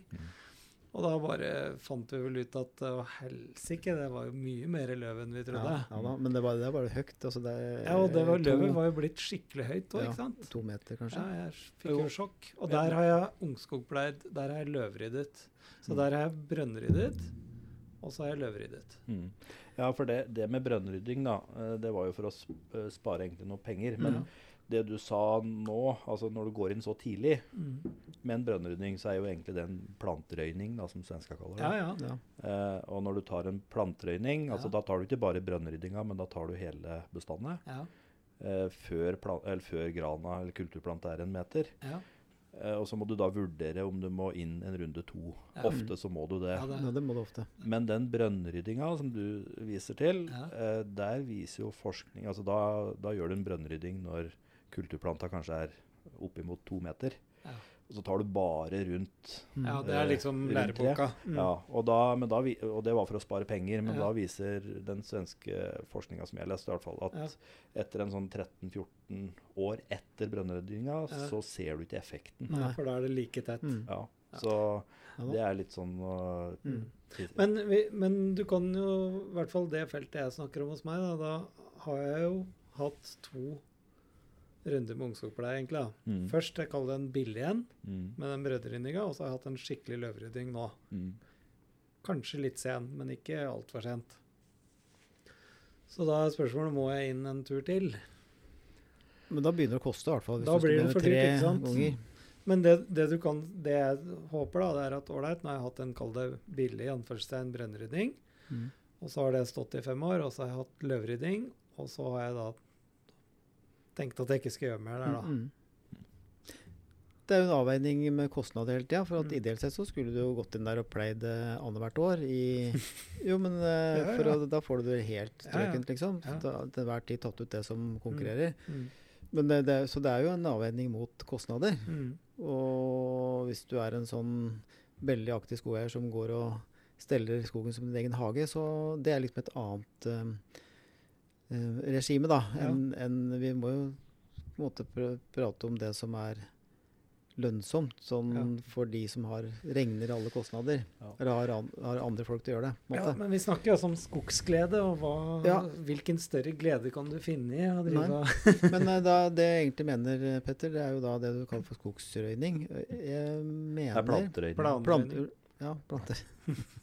Skogsrøyning. Det er det vi gjør til slutt, det. Ja. Nei, jeg har ikke noe eh, bedre norsk ord for det. Men Nei. eh, Nei, nei, nei jeg, men jeg tenker Ja, når det er en meter, da, Mm. så er det som sagt veldig billig å gjøre det. Mm. Og så har du uansett uh, um, Og du må du rydde rundt, i hvert fall rundt uh, det som skal bli framtidstrea. Um, så har du i hvert fall gjort det, og på en veldig billig måte. Om du så skulle glemme det litt, så har du, har du Så blir det ingen krise. Men det kan jo hende at etter ti år at jeg likevel ikke ser det, da. ja. Muligens. Det er, ja, og, og det er Avbrøt jeg det, da. Det er det en Ja, men det er lov å avbryte den Ja, det er lov å avbryte meg. Nei da. Nei, det er ikke lov. uh, hvis at du på en måte La oss si at det står tre stammer veldig, veldig tett, så, og du fjerner to av dem, så har du Det må jo være en positiv effekt, det. Men det er kanskje Det- ikke verdt det, muligens. Ja. Men jeg, jeg heller liksom litt til at den går inn veldig tidlig og bare Men da må, må du tenke at det er to ganger sjonsoppleie, i hvert fall. da. Ja, for ofte Altså, det, det som eh, per definisjon er den planterøyninga, det skjer før eh, egentlig kulturplanta er en meter. Ja. Uh, og det er klart at det er jo et tiltak som er veldig vanlig eh, der du har en sånn 14 pluss eh, bonitet Mm, og en del løveoppslag. Mm. Eh, og så må du eh, Men du prater jo på Tollef når sist skal du rydde enda en gang, liksom. Ja, ja. Det er jo ikke vanlig. Nei. Og det er heller litt økonomi, tror jeg. ikke men, men spørsmålet er jo hva slags strategi har du videre? Mm. Altså har du et tynningsprogram? Ja, ja, men Petter, altså to ungskogpleier, det, det er vel ikke uvanlig? Eller mener du at det er overkill? At det da er bedre å vente og ta Nei, en skikkelig en? Nei, det er jo Altså øh, Hvis du utfører to ungskogpleier, og det er behov Ja. for runde to, Ja. så er jo det optimalt. ja. Uh, men ofte så skjer det jo ingenting. Nei. Nei. Uh, men, men jeg mener at eh, tid for inngrepet og, og altså Det beste er jo å være på. Mm. Og så klart uh, legge inn en investering, som en Severin sier. Det er jo billig Mm. i å gjøre det uh, som en planterøyning, eller en sen planterøyning, da. Ja, ja. Også, men der er det Det går litt av, Det er litt strategien til skogeieren, altså. Mm. På hva har du tenkt videre. Mm. Eh, ja, i Gran, da, det feltet jeg snakker om, G17. Kjempefin foryngelse. Brennryddet og løvryddet. mm. Og da er jo strategien min at der skal jeg jo ikke tynne. Nei. Nei, da ville det, jeg tatt neste, en- det blir jo neste post. Mm. Tynne eller ikke tynne. tatt en, tre, en tredje gang, da. Men kanskje når det bikker treer, da. Ung treer. Mm. Men nå er jo sliprisen såpass brukbar at det blir jo tynning. Ja, men du sa du ikke tynne. Ja, jeg har sagt det, men jeg har ikke bestemt meg helt. da. Se om 30 år. Jo, for, det- men, men det er jo fordelen. Altså, hvis du, hvis du gjør jobben i ungskogen, Nemlig. Det var det jeg var så, ute etter. ja, så har, gir du deg sjøl Da har du faktisk en Ja. valgmulighet. Ja. Eh, Du Ja. kan velge å ikke tynne, men du kan også, da har du muligheten til å Mm. gjøre det. Gjør du ingenting, så mister du valgmuligheta egentlig når du er lost. låst.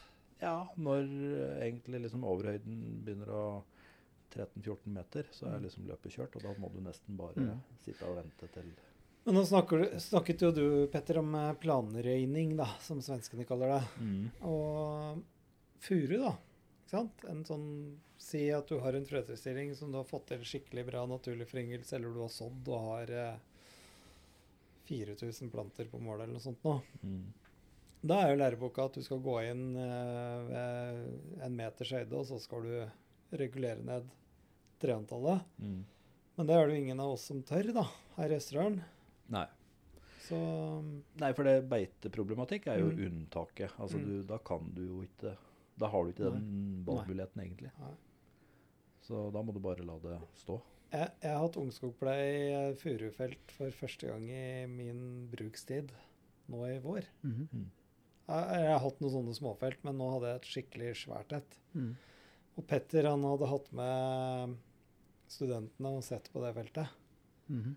Og læreren var skeptisk, ja. Mm. Det var det. ja. Det var for tidlig. Ja, jeg syns det. Eh, veldig Hvor, høy, skeptisk. hvor høyt var det, det bestandet? Nei, er det tre meter? Ja, det er nok i grenseland Ja, oppimot tre meter. Tre meter, ja. Overhøyde. Mm. Mm. -hmm. Nei, og, og det er klart at eh, vi gjorde bare en tilfeldig stopp der. Jeg hadde vel en Jeg tror jeg hadde med noen studenter for et par år siden hvor vi hadde en beiteskadetakst der. Ja, stemmer det. Eh, men Så nå gjorde vi egentlig bare en tilfeldig stopp, for vi var hos deg og så på noe tynning. Ja, det var det dere drev med. Ja, og da stoppa vi der, for de drev og regulerte, og det Jeg syns det var eh, Jeg hadde ikke tort å gjort det samme. Nei, Jeg må innrømme det. pyse. Så eh, Men hvis, hvis elgen ikke tar det, da, ja, da blir det jo jævlig bra. ja. Og så er det det er som sagt, Vi har prata på et vindu nå. Ja. Eh, liksom Elgstammen eh, ble jo skjøtet skj- betraktelig ned i Ja. området her. da. Mm. Og det har vi jo sett på furuföryngelsen. Ja. I hvert fall i vinterbeiteområdet. Altså Julesdalen, Deset. Ja. Ja. Mm. Eh, men uh, nå har jeg vel et inntrykk av at kanskje Eller mer elg å se Mm, det er det. eh, på de områdene. Mm. Så det vinduet Kanskje du rakk det. Kanskje. Ja. Jeg håper det. Jeg har, én observasjon. Ja. Det er, ikke, det er ikke, ikke forskning i det hele tatt, men det er bare en observasjon nå i høst. som det, Snøen kom tidlig, og jeg fløy rundt med børsa oppi snøhaugen. Eh, og på flater som har eh, det, det er gran... Eh, altså hogstflater, da, eller um, hogst 2-feltet med gran, hvor det er en del furu, så naturlig som kommer opp, og så er det en del løv. Ja. Der har elgen kost seg veldig. ja. Hva har du spist, da? Eh, han, har, han har spist, han har gått til beite på løvet, men han har også beite på nesten hver eneste furu. Og der har det gått en to-tre elger akkurat på det feltet jeg viser til. Så der er det rett og slett uh, mye ødelagt, da. Og så er, har du rene furuforyngelser, eh, ikke langt unna, Mm. som det er massivt med furu, og der har ikke elgen vært i det hele tatt. Det kan være helt tilfeldig, men eh, jeg skjønner ikke hvorfor ikke elgen har gått der. Det er- også massivt med furu som er én til to meter høy, og det stikker opp av snøen. Og det er et teppe med furu. Mm. Der har det ikke vært elg i det hele tatt. Og vi snakker om en måneds tid. Ja, ja. Og det er flere elger i området. Det er jo litt inne det du prater på, liksom hvor og skal du løv, få bort alt løvet, sånn at elgen ikke blir fristet til å gå der, og så Mm. kanskje Mm. samle løvet ned i en plass hvor det er Ja, gran. Ja. Det har du pratet på før. Og Det mener Er jeg det- har funket, da. Ja. Det kan være Ja. Det er jo så lokalt, da, den der elgen. Mm. Ja, det Ja, men det, nei, det du sier der, det, for jeg har ikke noen gode svar. Eh, det er det vel ingen som har. Men for du ser Må gamble litt. Ja. Nei, men vi ser jeg er lokalkjent, da, det er Posta, eh, øst for Glomma. Eh, mellom Elverum og Rena. Og der har vi et område som vi kaller Skjelmoen. Ja. Eh, der er det lite beiteskader. Det er bare furu. ja, ja, nemlig. Mm. Lite beiteskader, eh, mye naturlig foryngelse og sjelden vært noe beiteproblem. Mm. Men det står at elg der enda, Ja. men litt høyere opp i lia. Altså det, når det er snakk om i luftlinje 3-4 km, Ja. der har jeg beiteproblematikk. ja. Nord for eh, dette området her, og der beiter elgen Mhm. furu. Er det mer løv der? Nei, jeg har ikke noe inntrykk av det, altså. Har det noe med skjul å gjøre? Eh, For den det. jeg prater på, den, den er eh, Der skjuler den seg godt i løvkrattet. Mm. Og det er veldig sånn kulete hogstflate. Så den, Mm. den den, den, den trives der, liksom. Mm. Ja. Ja, men det kan jo være det. Ja, jeg, jeg har sett eksempler på Hatt med studenter på noen eiendommer langs Renelva. Ja. Og der var vi og så på eh, Der hadde skogeieren en strategi med å lage større flater Mm. for å unngå beiteproblematikk Ja. på furu. Og det var tydelig at det virka, altså. Men Mm. da i kombinasjon med at elgstammen har skjøtt- blitt skjøttet ned. da. Mm. Men da så du jo det at den hadde jo mindre flater hvor det var beita. Mm. Mm. På samme alder. Ja. Så det er klart at det har effekt, det. Men eh, rent bortsett fra elgen da, Petter. Eh, Forskelig sett så var det ikke feil, den der uh, ungskogbleia. Nei. Nei. Så det er det som er Mm. anbefalt. Ja. Å egentlig gå Ja. inn da og Ja. på furua. Ja. Og egentlig Jeg gam- gambler på at det går bra, jeg. Oi! Pe Severin, da. Var Det lite teknisk problem, nå, da? men det gikk bra. Ja, sitter den fast? Nei, nei, nei nå siger den. Nå må jeg sette på pause her. Det er katastrofe. Det, det gikk bra. Nei. Sitter den ikke fortsatt? Det er eh, litt sånn tekniske problemer med, med mikrofonstativet til Severin. Sånn. Jeg skal, ikke, jeg skal ikke ta sånne hangups på det. Nei, du skal ikke det. Ikke sant? Ok. Ja. Eh, ja, da har vi snakket om ungskogpleie i furu og gran. Mm. Og vi driver fortsatt det der eh, granfeltet vårt, da. Så nå har vi ligger vi på sofaen og er ferdig med ungskogpleie. Og så kommer neste problemstilling. At tynne eller inte tynne. Mm. Ja. Gran. Gran, ja. Nå snakker vi om gran. Mm. Det syns jeg er så vanskelig, altså. ja, det er det. Og vi har jo hatt egentlig lite tradisjon for å tynne gran. I hvert fall i området her. Ja. Uh, mens uh, hvis vi ser til Sverige, da, Mm. så har de jo lang tradisjon for å tynne gran. Og de tynner jo heller grana ofte enn furu. Mm. Rett og slett for at grana greier å uh, respondere, på tynnings, eller respondere best på tynningseffekt. Da. Pluss at massevirkeindustrien i Sverige eier mye skog sjøl og trenger virke. Det er en vesentlig grunn. Ja. Eh, men altså, hvis du først Eller hvorfor skal du tynne? Ja. Så hvis du først skal tynne Det vi lærte, var jo at da er det Det påvirker ikke høydetilveksten, men eh, dimensjonsveksten. Um, Og, ja, og grana reagerer best. ja. Men vi blander litt, for at eh, tynning er et skjøtseltiltak. Mm. Men vi styrer gjerne tynn, prioriterer tynning når det lønner seg. Altså vi vil gjerne vi vil helst ikke tape på det. Nei. Og derfor går vi ofte inn for sent. Og så når det er dårlige massevirkepriser, så tynner vi ikke. Og så, så vi har liksom ingen sånn veldig gjennomtenkt strategi. De aller fleste har, går litt etter til innfallsmetoden. ja, og så ser du da. kapasiteten hos entreprenøren òg. Er det bra priser og Ja. sånn, så tyter du ut med tynningslag, og så Jo da, og så skal det være lønnsomt, og så er det maskin i nærheten, og så er det kanskje ikke den maskinen som er mest egnet, og så blir det tynn likevel. mm. Så det blir gjort mye feil tynning òg, da. Mm. Men jeg tenker at det fokuset er litt for mye på at det skal lønne seg å være rasjonelt, enn det er et skjøtseltiltak, Mm. primært. Ja, jeg, ja jeg, er ikke enig. Nei. Bra. Nei. Det elsker jeg. Eh, Nei, jeg mener at tynning Jo, det er jo en form for skjøtseltiltak, men grunnen til at vi har tynna furu, det er jo som Ja. vi innleder med i stad, er jo det med kvalitet. Ja. Ikke sant? Ja, Uh, så da skjøtsel. Ja, Ja. ja, for bare for å ta det, Petter. mm. Uh, tynning av furu. Severin og jeg vi gikk på randonee-ski hos meg en gang, og da gikk vi forbi et furubestand hvor det ikke er gjort noen verdens ting.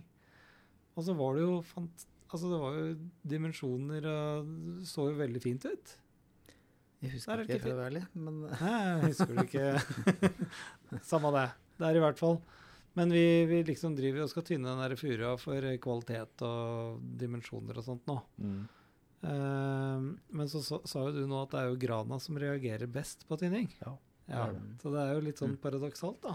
Ja, men jeg, altså, jeg tror at uh, ja, ja, jeg tror årsaken til at vi uh, har tradisjon for å tynne furu. Mm. Det er med kvalitet å gjøre. Altså kvalitets... Mm. ja, Kall det skjøtsel, da. Mm.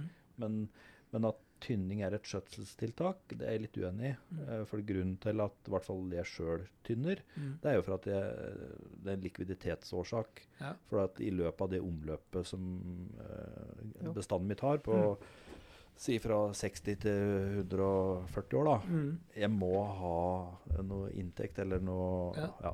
Jo, men altså hovedinntekta av en, eh, et omløp og en produksjon er jo sluttavvirkningen. Det er jo den Ja. som skal bli best mulig. Ja, Ja, det er Og så likviditet. det Ja, er det så lenge likviditet styrer oss litt, da. For den, ja, men den, er Ja. så lenge til. den beste likviditeten den får du hvis du ikke tynner. Eh, ja, Ja. gjør du det? Ja, det gjør du. Ja. For- Forklar. Kjør debatt. Eh, hvis, du, hvis du investerer i én til to runder i ungskogpleie i gran, Ja. eh, G17 f.eks., Ja. eller 14, Ja. eh, så vil du eh, ha den største volumproduksjonen Mm. Ja. i det bestandet Ja. hvis du ikke gjør noe mer etter Mm. siste regulering. Si at du setter at en stand mellom ja, sin, Du bør jo ha en- ha en 180 treer, da. Ja. Mm. 160 til 180 er vel på en måte Ja. Mm. Eh, Da har du den optimale produksjonen. Mm. eh, Og den produksjonen vil du aldri greie å matche ved å ha si en, en tynning eller to. Nei. I, eh, rent økonomisk. Nei. Fordi eh, du tar aldri att det tilveksttapet som du får ved en tynning. Og hvis den tynninga i, i tillegg er som du sier, da, hvis mm. det er en investering Mm. og ikke skaper inntekt, Ja. da har du i hvert fall tapt, ja. egentlig. For da bør du sitte ja, for, for, for det som på en måte tynningsforkjempernes eh, argument, det er jo da at eh, jo, eh, det blir større dimensjoner, og det får du bedre, bedre betalt for. Mm. Men, eh, du får ikke be, men du får jo ikke bedre betalt for det. Jo, Sag, sagbruk Ja, jo da, men altså det er jo Ikke kom med sånne 70 cm graner eh, på Østerdalsbruka. De sender det jo i retur. Ja, men det, vi snakker ikke om det. Vi, vi, det prissystemet her, da, det er jo over under 18 cm. Ja, ja, det, det er 100 ja, kroner forskjell. det har du helt rett i. Mhm. Men Så det, det å få opp eh, ganske bra dimensjoner så fort som mulig, er jo, er jo et mål. Ja.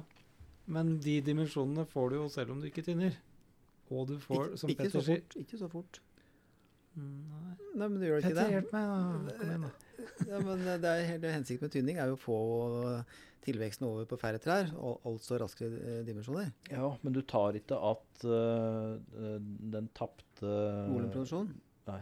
Nei, Altså, det gjør du ikke. Men det, vi, men det er snakk om det det verdiproduksjon. det, er, jo- det er jo derfor du tynner. Du, du sier likviditet uh, uh, du, Men så sier du også samtidig at det er bedre likviditet å ikke tynne. Så Ja, ja, ja. her, her får jeg, har jeg Jeg vet ikke um, men, det, men likviditet er da fordi at det du, hvis du ikke har femmer, da, da må du tynne mm. for å få penger, penger. Men da har du liksom, da er det ikke skogen du tar hensyn til, da tar du hensyn til lommeboka di. Ja, eller en totale produksjon. Og, og det, er jo, det er jo som du sier, at du øh, Hvis jeg nå går inn og tynner, så Nå ringer jeg fagsjefen i Glommen Vesen. Skal Ja. vi koble på han på tynningsdiskusjonen? Ja. Hvis han tar telefonen, da. Sverre Holm, han er fagsjef i Glommen Vesen. Hei, Sverre! Hei, Har du, har du to minutter? eh, Ja. Ja. Du, eh, vi sitter her, eh, Petter Nergård og Severin Myrbakken og jeg. Vi har eh, skogsaken ute av den der podkasten vår. Yes. Og så sitter vi God her dag, nå herrer. Morgen, ja. Og så sitter vi her og krangler litt, da, som vanlig. Eller det er Ja. Pet Petter og meg mot Severin. Og vi, Ja. s- vi snakker om Da er jeg enig med Severin. Det er bra. Og vi sitter og snakker om tynning i gran. Ja. Ha, har du noen bevingende ord å si om tynning i gran? Hvor skal du begynne? Hvor skal du begynne nå, Sverre? Nei, ty- tynninga i i gran er helt OK. Eh, så lenge du eh, det er en del av en skogstrategi på en eiendom, slik at, del, at du på en måte har eh, At det du har gjør ungskogpleie og slutter å virke osv. Etter et system som, hvor du har tynning som en del av de tiltakene du gjør. Og så Sjølsagt så må du ha en skog som er egna for å tynnes. Og da tenker jeg på topografi, bæreevne. Ja, godt svar. Eh, det er sånn der, og du kan ikke si ja eller nei til er, eh, hvis du sier konsekvent ja eller nei til grantynning, da kan man for lite om grantynning. Ja. En, av, en av de største aktørene i Skandinavia på, tynn, eller på skogbruk, eh, Stora Enso, tynner jo aktivt grana si. De hadde jo ikke tatt ut 800 000 kubikkmeter i tynning hvert eneste år hvis det hadde ødelagt skogen deres. Nei. Nei, det var det Men de trenger litt uh, tømmer til industrien sin. Det gjør de absolutt. Uh, ingen tvil om det. Men uh, de er ikke så kortsiktige at de velger å ta det ut i tynning i stedet for å ta det ut som i sluttavvirkning, hvor uh, slipandelen er like stor. Men, men de i tillegg får noen sagtømmer som de kan bytte bort i slip til andre aktører i markedet. Tynning er en veldig dyr måte å ta ut kubikk på, da. Og i tillegg, Ja. så da, når vi i større og større grad bør bruke rotstopp, eh, som da koster 20 kroner mer per kubikk eh, for de entreprenørene som har sånn aggregat og Så det er jo veldig dyrt, da. Vi er jo på, på godt opp på 300-tallet på en vanlig tynning. Ja, Den prosentuelle prisøkningen du har på drifta di fordi du bruker rotstopp, er jo marginal. Mm. Og særlig den dagen da, da rotstopp blir innarbeidet som det burde ha vært, så er jo det noe man smør utover alle drifter i tynning. slik at det da blir en merpris på tynning på kanskje en tikroning eller slikt. Og det er jo ikke mye når du har en tynningspris på 300 kroner. Men vi, vi prata litt her på Eller jeg var litt uenig med Severin. da. Altså, jeg mener kanskje at den, det mest økonomisk lønnsomme ved en granproduksjon er hvis du gjør som du sier, følger opp med god ungsoppleie. men, men at du da velger en eh, tynningsstrategi som eh, Nei, ingen tynning i strategien videre framover. Det gir den beste totale økonomien. Eh, Er du enig i det? Eh, dette har jo Skogfors regnet på, og, eh, og jeg tror da faktisk Isabel Bergquist viste dette der en gang, Petter. Eh, på en forelesning vi hadde med henne, hvor det du så at det som var den, eh, ga den høyeste nåverdien, det var ei kraftig ungskogpleie og ei tidlig tynning, og ikke noe mer. Mm -hmm. Det høres så plausibelt var, ut. eh, Men har du regnet inn risikoen Ja, ved det var det? Altså risikoen nei, på da- de har ikke, vindfall, tørke, råte osv.? Nei. Nei, det tror de tok inn der. Der har de regnet alle faktorer som eh, holdt på å si i optimum. De har ikke lagt inn at det, kan bli råte i neste omløp, eller at det, kan blåse ned eller tørke eller så videre. Det brenner opp, Men, men tørke Ja, det er ganske likt da uansett. Men, men, eh, men, eh, men denne herre det er vel liksom hvor mye risiko det regner inn. Hvis du ungskogpleier og tynner på riktig tidspunkt, så får du en skog som på sikt er mer stabil. Mm. Og når en ser de undersøkelsene som SLU gjorde, han der Wallinger og Friedmann etter eh, Gudrundstormen f.eks., Ja. så ser du at eh, tynn skog som er tynna på riktig tidspunkt, Ja. har ikke noe større, særlig større innfallsrisiko enn annen skog. Og da har de sett på skog som har tynne innenfor de fem siste åra før Gudrun. Og det, det er det som det er riktig tidspunkt, det er nøkkelordet her. For at det er ofte så tynner vi for sent Helt for å få, få inn penger, som han Petter sier. Mm.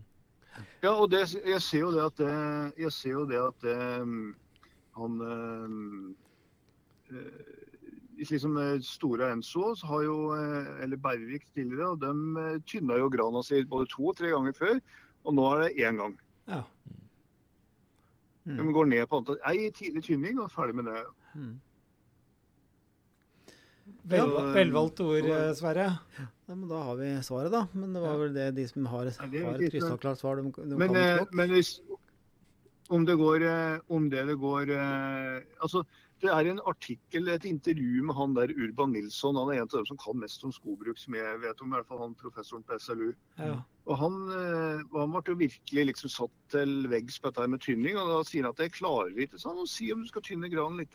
Nei. Det er altfor mange faktorer og variabler. Men i egen skog så tynner jeg, sier han. Ja. Og det er fordi jeg syns det, det, det blir en triveligere skog. Ja. Og så har han tilgang på en god entreprenør. Eh, og så gjør han det på det tidspunktet han mener det er riktig, og da velger han å tynne. Mm. Jeg har Men han kan jo ikke si med ja. Jeg har jo kjørt uh, Stenvikveien og sett uh, tynning du har gjort, Severi. Nei, Sverre. Det ser jo veldig Det blir jo veldig fint, da.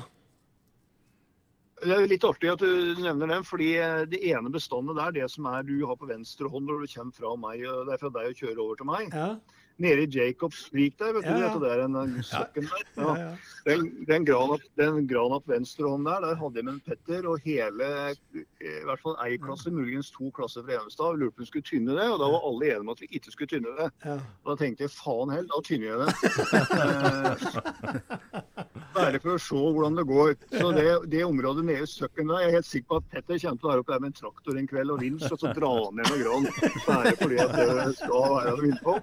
Men eh, så langt så har det klart seg bra. ja, det ser veldig bra ut, Sverre. Det var, det var den skogen du kjøpte? ja det ser veldig eh, Det er den skogen jeg kjøpte, ja.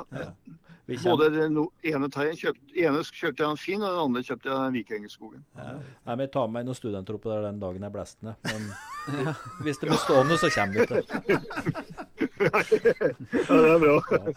Ja, ja. Ok. Nei, men takk Men, skal du ha. Er Bare en liten uh, sluttreplikk. Da, det, er fortsatt et stort høl i skogen min etter at det juletreet du høgg for 30 år siden og ga bort eh, til eh, noen du likte veldig godt, eh, Sverre.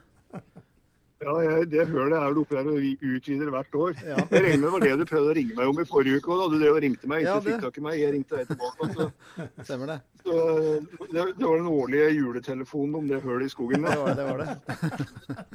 Greit, det. Ja, bra det. Ja. ja, men Jo. takk skal du ha, Sverre. Da snakkes vi. Prates. Ha det. Ha det bra. Ha det. Ja, ja. Det var fagsjefen Ja. Nei, men det er nyttig, det. Og det, det er jo liksom ikke noe svar, da. Men, uh, men det jeg syns var et godt poeng, det hvilken geografi du snakker om. For at er det bratt og langt under vei, så er det jo en større grunn til å ta en hard ungdomsoppleie og så la det klare seg. Mm. Enn hvis det er helt inntil vei, og god bæreevne, vel å merke. Så jeg, altså for all del, jeg har tynnet gran eh, flere steder, men jeg ser nå jeg begynner å få ganske mye sånn eh, eh, foryngelser fra 1990, da. Mm. Begynner å, bli, begynner å bli ganske mye av det, og det er mye av det jeg har lyst til å tynne. Men da bør jeg jo faktisk gå inn nå hvert øyeblikk. Jo, men det, det er jo liksom det er dilemmaet, da. Altså skal du tynne med negativt resultat, og da Ja. sier jeg nei. Nei. Uh, men jeg tynner jo gran hos meg sjøl. Ja. Men ikke alt, sikkert. Nei, nei, ikke alt. Nei. Og det er, så er det litt det, det tidsvinduet da, Mm. som vi pratet på i stad. Mm. Og altså, du må komme inn tidlig nok. Mm. eh, og da må For det første så må det være gode driftsforhold. Litt tynner eh, bare på vinterføre. Ja. Og mm, hos meg så er jeg litt utsatt for store snømengder, som Ja. gjør at driftsforholdene blir for vanskelige. Så det må være rette snøforhold. Jeg må få tak i maskin. ja. Det også er jo Ja, for den må bestilles ofte i god tid. mm. Og er det ikke da nok snø, ok, så gikk den vinteren. Ja. Og da på en eh, si 14-17 bonitet, da, Ja. så er det vindu, tynningsvinduet mitt åpent i 3-4 år. ja, det det. Og hvis du ikke kommer inn da, så blir det ikke noe. Og så er det massevirkeprisen. Mm. Og det er klart at, som Severin sa, at uh, driftsprisene har økt. Mm. Uh, og skal jeg holde en vei oppe nå Ja.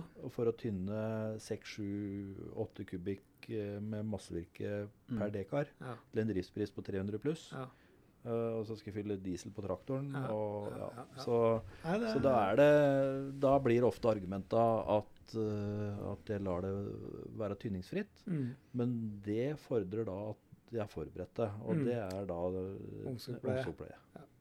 Ungsoppleie, ungsoppleie, ungsoppleie. Mm. Men så er det det med Vi prata jo da om den planterøyninga på gran i hvert fall. Og det er klart at med den nye krava i PFC skogstandard på løv, så kan det hende at den planterøyninga at du skal droppe den og heller gå inn ved et senere tidspunkt, da, hvis du øh, vil ta vare på eh, løvet, kan du si. Ja. Eller eh, Mm.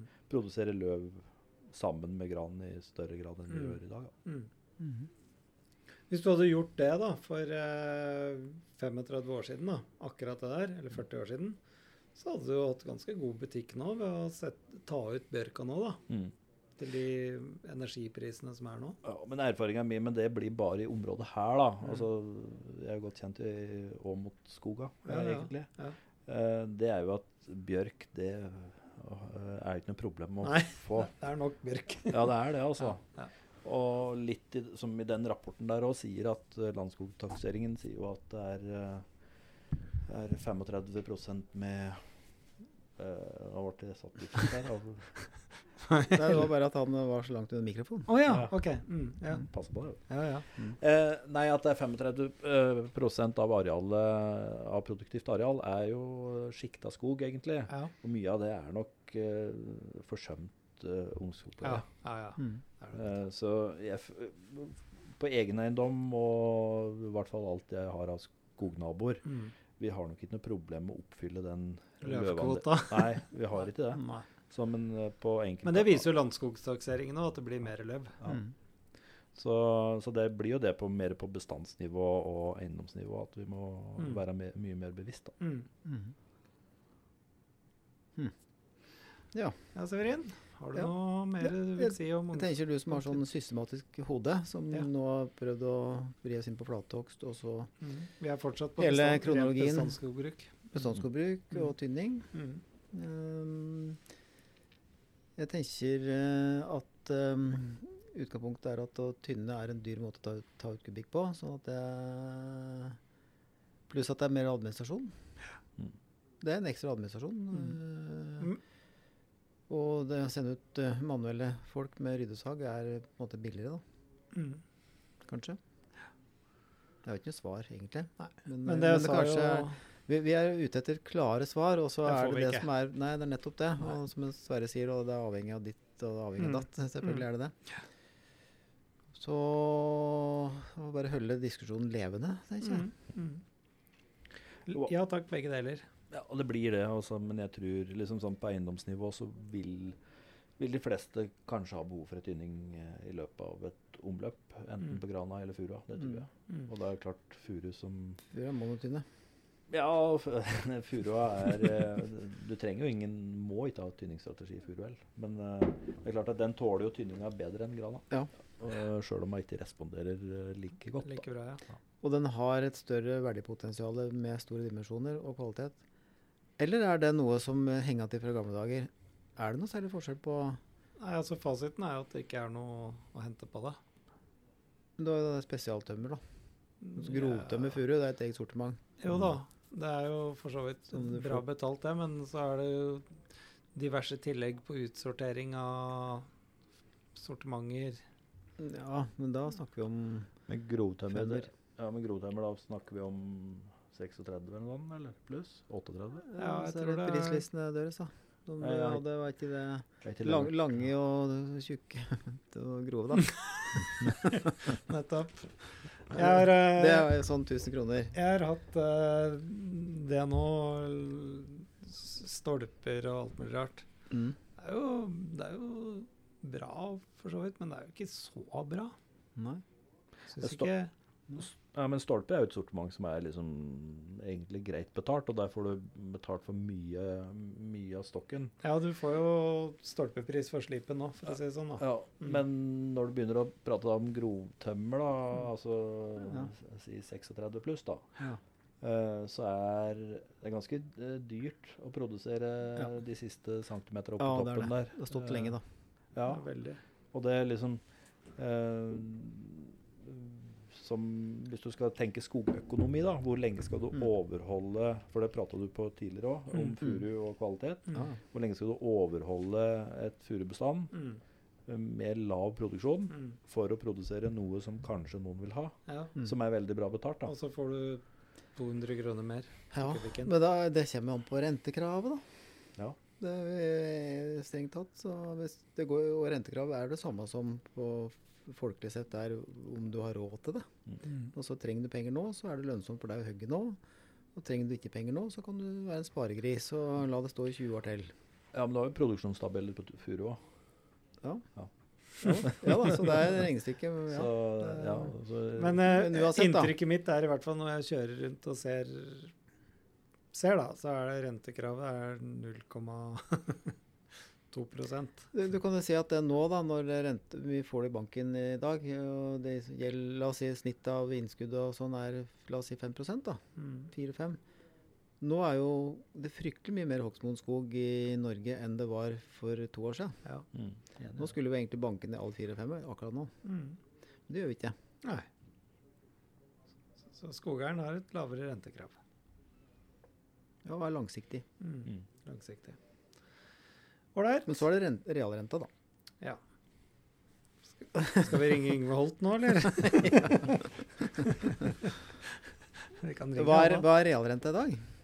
Ja, hva er den? Vi føler at rentene er så høyt og Mm. fælt, egentlig. Ja. Inflasjonen er mye er den? 4,8. Han var vel Hvor lånerenta er eh, 6. mm. Så da er egentlig realrenta 1,2. Mm. Det er ikke så høy. Nei. Det Og da er vi inne på likviditet, eh, da, som også styrer oss ganske mye. Mm. Mm. Og da det skal, og da skal vi tynne. Da får vi tynne likevel, da. Ja. Hvis, stakkars hvis noen av studentene dine hører det her, eh, Petter, tror du de blir noe klokere? Det blir mye rare svar.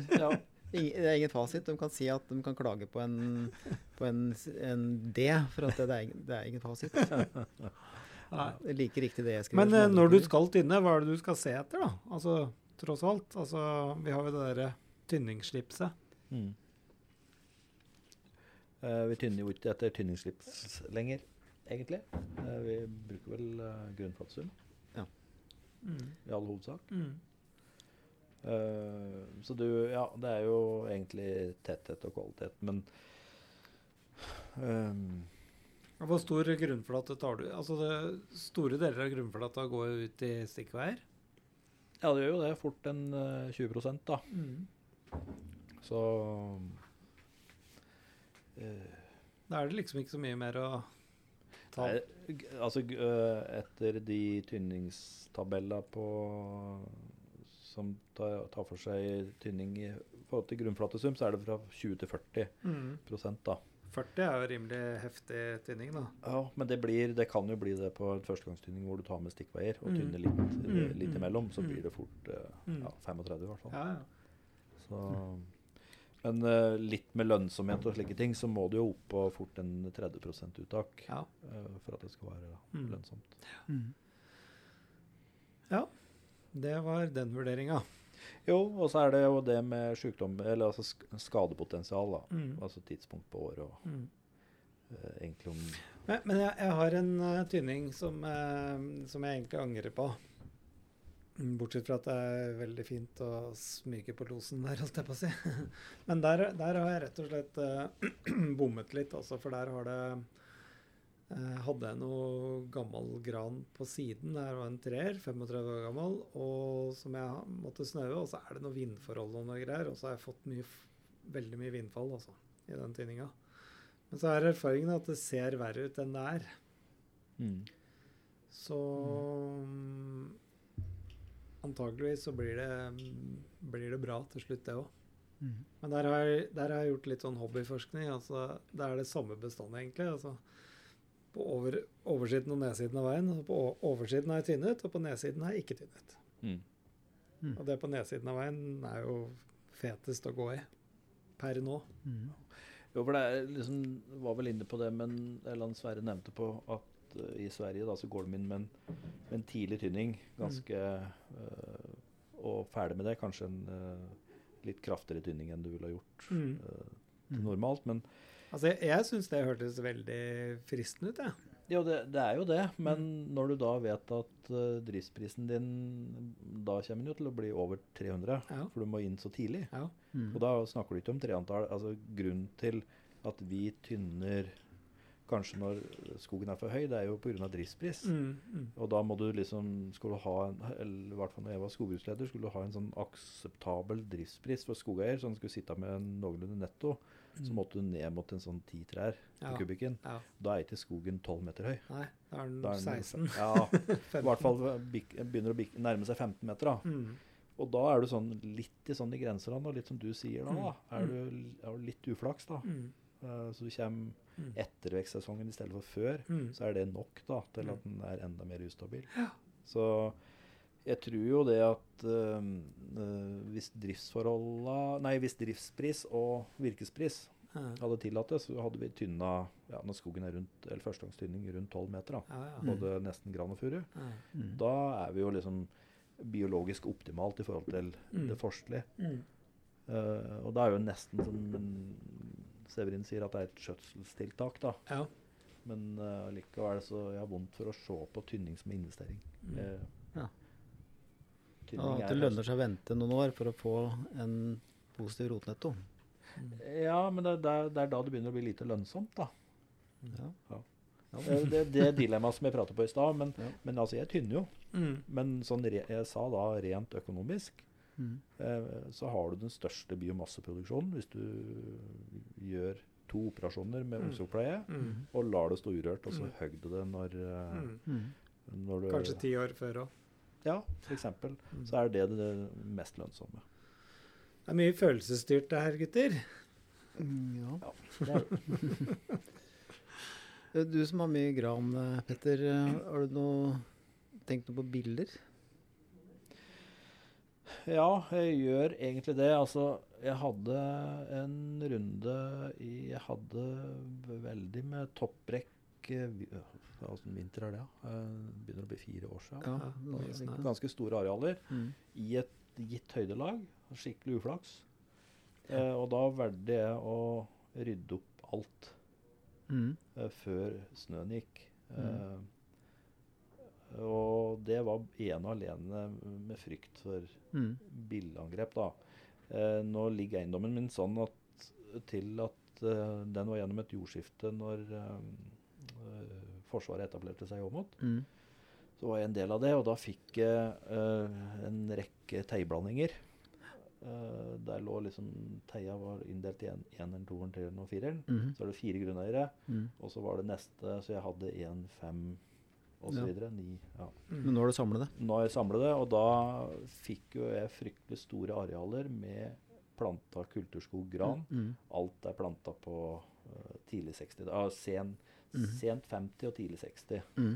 Store arealer, og da var jeg livredd for å Hvis uh, Når du så det, det som skjedde lenger sør i, Ja. i Skandinavia, da, så var jeg livredd det. Så, så det er jeg egentlig ganske bevisst på. Uh, og som når jeg var skogbruksleder også, så prøvde jeg å tipse skogeiere når du så Mm. antydning til angrep. Mm. Uh, men vi har ikke liksom Vi har jo ikke plantasjeskoger sånn som uh, mange liker å hevde. Det påstår jeg at det har vi ikke i Norge, egentlig. I den grad da, som du har sett lenger sør, lenger sør i Europa, Mm. hvor de hadde store bilangrep. Så Mm. i den både mosaikken som vi har eh, både i eiendomsstruktur og innad på enkelte eiendommer, Mm. det gjør egentlig at vi er heldige som uh, Litt mer robust? Ja, det er det. altså Det er mye blanding, altså. Eh, men jeg har sett det. Jeg har hatt med studenter oppe i Evenstadlia i, både i fjor høst og i høst. Og der ser vi sånne roser Mm. med typiske bilangrep. Mm. Uh, og det er liksom der en får tak. Så uh, skogeiere må være seg bevisst Mm. og egentlig hogge når det de ser, ser at de har påstarta angrep. da. Mm. Eh, For å bremse en oppblomstring. Jeg mener det. Så skoghygiene er ja, det er Ja. viktigere kanskje enn det har vært på en del år, med tanke på de, eh, det klimaet vi har hatt. da. Og freske, freske trær. Så Men, men har du hatt uh, Har du hatt billeangrep hos deg? Nei, ikke av betydning. Nei, ikke Små lokale Og det, det jeg har sett i Evenstadlia, og det er små, små arealer, da. Mm. Men, men det er klart at uh, de flytter seg jo litt og litt. ja, ja. Uh, så jeg mener jo det at den, han skal følge med, i hvert fall. Absolutt. Men eh, Vittal sunn skog, den eh, stort sett så klarer den seg. Mm. Ja, det neste, neste man, som skjer i bestandsskogbruket nå, da, etter Mm. at du har tynnet eller ikke tynnet, da, Mm. det er jo sluttavvirkning. Mm. Ja. Kanskje en runde med gjødsel, og så slutter det. Gjødsel grana. Du, Da, da tar jeg en liten uh, historie fra min uh, tidlige karriere, hvor jeg var prosjektleder for å øke aktiviteten i skogbruket i Rogaland. Uh, der, er det, der betyr sau og mjølk like mye som skogbruk betyr Østerdalen. Og eh, skogbruk betyr like lite der som lama betyr her. Eller ja, uansett, da. Så er det ikke sånn veldig skogbrukstradisjoner. Og, så, Og du skulle være pådriver der nede? jeg skulle prøve å få til det her. Og så, Sånn helt nyutdanna og Ja, ja. og så var det et eh, Og de plantet jo mye gran for så vidt i etterkrigstida der. Og så Ja. var det jo mange bestand som var absolutt var og begynte å dette ned. Og Ja. Så var det et eh, litt større flak da, med plantegran som var 60 år kanskje. Ja. Og så oppsøkte jeg skogeieren Ja. og sa at det, det her bør egentlig hugges nå, og jeg kan ordne alt for deg. Så nei, nå har jeg planta og tynna og stelt skogen i alle år, så nå får det være. være. ja, og det, dessuten blir det bare skatt. Men hadde ikke du også en annen der hvor, eh, hvor det var noe eik eller noe sånt? Noe? Jo, da var det jeg hadde som målsetting å prøve å få til eh, noen eh, lass med sagtømmer og eik til Øydna sagbruk, som lå på Sørlandet. Ja. Det var for bare for å få noe inn i statistikken, eller få litt aktivitet, da. Ja. Og så banke på, da. Og at den skogeieren som hadde litt sånn eikebestand oppi litt øverst i, midt i lia. Ja. Og så sa jeg det, og kanskje hogge det her og få til litt sagtømmer og få noen inntekter. Og står, står eika i veien for deg, kanskje? Nei da, det er ikke det, da. Men eh, ja, har du noen inntekter hvis du hadde ville brukt det? Det blir bare skatt. Ja da. Men det var en helt annen tradisjon. da. Ja. Annen fokus. Ja, ja. Men da er det sluttavvirkning, ja. ja, Mm. det er jo enkelt, det. Mm. Det enkelte flatehogst. Da er det bare Ja, hvordan du som skogbruksleder, da. da eh, fra skogeieren sier at han skal hogge, Mm. Det ringer når du var skogbruksleder, så ringte noen til deg og ja, nå trenger jeg penger, jeg kan hogge. Hva gjorde du da videre? Kontrakt og befaring og Ja, det, ja, det var jo ofte det. Altså, dem som tok kontakt sjøl, det er mange typer, ulike typer skogeiere, så klart. Eh, men noen tok jo kontakt for at de hadde et avvirkningsønske, men visste ikke hvor, hva de skulle hogge, eller om, om de hadde noe å hogge. mm. Så var det de mer aktive som visste hva de ville hogge, og så var det liksom spørsmål om priser og kapasitet og sånne ting. Mm. Men for de som ikke har noe stort forhold til skogen, eller kanskje ikke ja, som ønsker bistand på det meste, så var det å ut og befare. Mm. Og eh, komme med da et avvirkningsforslag Mm. på volum og slike ting, og da skrive kontrakt. Og i, du kan si i den befaringen så innbefatter jo det øh, hva er det eiendommen eventuelt trenger øh, av skogfondavsetning. Mm, ja. Og komme med da et, en anbefaling da, Mm. på hva han øh, kanskje burde sette av. sette av. Ja. Mm. Få en oversikt over hva han hadde innestående fra før. Og. Men det er klart, skal du planlegge sluttavvirkningen nå, hvis vi spoler Ja. 70 år fram i tid, i hvert fall med dagens PFC og sånt nå, så er det jo Mm. Det er jo ikke bare å sette på en maskin og lage en firkant. Du skal Nei. jo ut og planlegge. Du kan jo gjerne Men må du ut og planlegge? Må du ut og planlegge? Nå alt er digitalt og alt er registrert, og, og du kan bare lage grensene til entreprenøren. Og, og entreprenøren sjøl vet hva som er eh, registrert, og hvordan ting skal være. Må du ut og planlegge? Må du Eh, ut i skogen? Du, altså, eh, planlegginga kan du gjøre i inne, Mm. men eh, du må jo ut og befare først. Ja. Før du kan ta planlegginga på kartet. Ja, må du det? Ja. For eksempel så skal du sjekke hønseaukreier, du skal uh, se på kantsoner langs vassdrag, Mm. livsløpstrær Ja, Men altså, eh, entreprenøren vet jo om det her. Han vet jo at det skal settes av kantsoner langs et vassdrag. mm. Og hvis instruksen er eh, hvis, mm, Ja, sånn og sånn, da. Spare en livsløptrær her, ha det et holdt. Ha det. Du kan lage instruksen, og så mm, er jo maskinentreprenører såpass kompetente at de kan uh, ta den faglige biten sjøl. ja, det er de. Og, men én ting er jo alt du har lagret på kart. Mm. Uh, men så sier jo standarden noe om eh, Ja, du skal sette at noe løv i henhold til sånn og livsløpstre og tøyt. Ja. Uh, og det kan du jo egentlig skrive til entreprenøren eller sjåføren at uh, gjør sånn og sånn. Mm. Uh, men i hvert fall eh, den første turen ut i skogen, den Mm. måtte jeg ha uansett. Mhm. Fordi tømmeret skal jo kjøpes og selges. Ja. Ja. Og da må du ha en formening om Du, du kan jo lese ut ifra skogbruksplanen f.eks. Alma, da. Ja. At det er eh, 30% gran og 70% furu. Mm. Og så kommer du i skogen, og så er det Motsatt. Ja. Det, det, kan være så ja, ille. Eh, og det tømmeret altså det, det, er hengen, det er jo en tømmerkjøper i andre enden, og det er en logistikk. Mm. Så, så våre Altså markedssjefen i Glommen Mjøsen, når jeg jobber der, var jo han var jo ute og gjorde store forhandlinger, og så skulle vi som skogbruksledere sørge for at han fikk det tømmeret når han trengte det. Mm. Og da kan ikke jeg sitte foran PC-en og så trykke på noen prikker og lage noen røde streker, og så lage en arbeidsinstruks, og så kommer det helt noe annet enn Enn det. jeg faktisk trodde jeg hadde kjøpt. Mm. Og så skal jeg skylde på skogbruksplanen eller Ja, ja. Det er en kvalitetssikring. Det blir et bedre resultat, kort og godt, hvis du er ute og har sett det sjøl. Ja, du er helt avhengig av det, altså. Ja. Ja. Vite hva du kjøper. For, Mm. for ellers så er det vanskelig å selge det videre. Du egentlig. kjøper ikke en bruktbil uten å ha sett en duell. Det blir jo akkurat det samme som oss, Evrin. Altså, vi driver med naturfredningssaker for staten. Og så hvis vi Mm. bare skulle sittet og regnet ut ifra kartene, så Ja. hadde det blitt litt Det er, det er nesten bestandig sånn at ja, uh, han har en fore, ser på skogbruksplan, har en forestilling om ja, det ser slik og slik ut. Mm. Og så kommer du ut, og så har du alltid endret bildet noe. Mm. Helt enig. Men, men mye av den sparer veldig mye tid på gode kart. Det som er, er nå, digitale kart og riktige Ja, kart. Ja, ja. Og, Det sånn så Du danner deg opp et bilde på hva du skal ut og se på. ja, ja.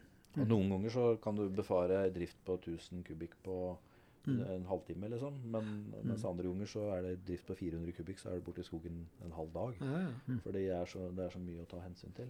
En dårlig form, da. Så Nå har vel jeg slått deg i Birken en god del ganger, men uh, Det er lenge siden, det. Det er, det er historiens dyp, det, Petter. Ja, ja. Skal vi ta Mm. 20 minutters pause? ja. Jeg er sulten. Ja, ja. Nå har vi i hvert fall hatt en skikkelig lunsjpause. Mm, Men eh, du, vet du hva jeg driver og tenker på, gutter? Nå tar vi opp det her, og det er eh, Åh, hvilken dag er det i dag? Det er straks julaften. Og Severin, du måtte kjapt ut i et møte. Jeg har vært i det. Se, Petter, du drev med noe greier. Jeg drev med noe greier. Så, og lukket hogst, vet du, det er jo skikkelig Da blir vi sittende i to timer til, og det har vi ikke tid til nå. Så spørsmålet er om vi kan ta Da deler vi opp episoden i to episoder. Mm. Så nå er det del én. Mm. Rent og skjær hardcore bestandsskogbruk. For nå har vi slutta å virke etter bestandet du har drevet Ja, nå har vi Ja, slutta å virke det. flate der nå. Nå er det fin flate med noen listløvsrær og kantsoner mot Ja. bekken, og alt er fint. Og så har vi markbrett, og så er vi på en måte i gang igjen. Men så er det tømmeroppgjøret, da. Ja. Hva får vi betalt for det her? Det er Mm. noe vi skulle snakket om. Det er jo akkurat nå. Ja, det er for lite. Mm. Men det er jo Det er jo for så vidt eh, Jeg vil jo si Severin, du, det der kan du. Du som har regnet Ikke masse mer enn deg. Nei, vi kan det her. Nei, men eh, det, det, vi har jo snakket om realprisnedgang på tømmer. Eh, og, Ja, ja. og alle elsker jo å sammenligne med 1954, ikke sant? Mm. Koreaboomen. Men i hvert fall de siste årene så har vi på en måte den derre gapet Det har hentet seg inn noe. Jeg eh, regner jo på det. Ja. I, vi fikk jo en tømmerprisløft for la oss si to år siden ca. Mm. Og da holdt det tritt med realprisutviklingen uh, sammenlignet med 2010.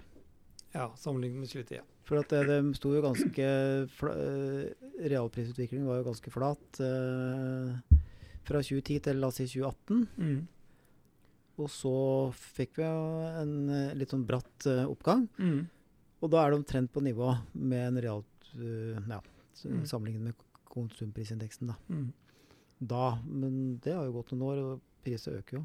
Men hvis du sammenligner med rotene 1999 ja. eller 1989, så er vi ikke Nei, så vi er ikke i mål. Tapt. Nei. Nei, ikke i Men mål. Hvis du ser litt på diverse analyser og sånn, det, det er jo et voldsomt sug. Så, ja, så har vi tro på, tro på at det henter seg ytterligere opp. Petter? Eh, jeg har jo trua på det. Mm. Eh, litt av eh, Hadde vi f.eks. tålt en prisnedgang på sagtømmer nå på 150 kroner at du, hvis, du, hvis du hadde fått 470 kroner for skurgran nå, hadde du hogd da? Er posisjon Svaret er nei, da. Ja. jo, Av tynne. ja. Nei, men jo.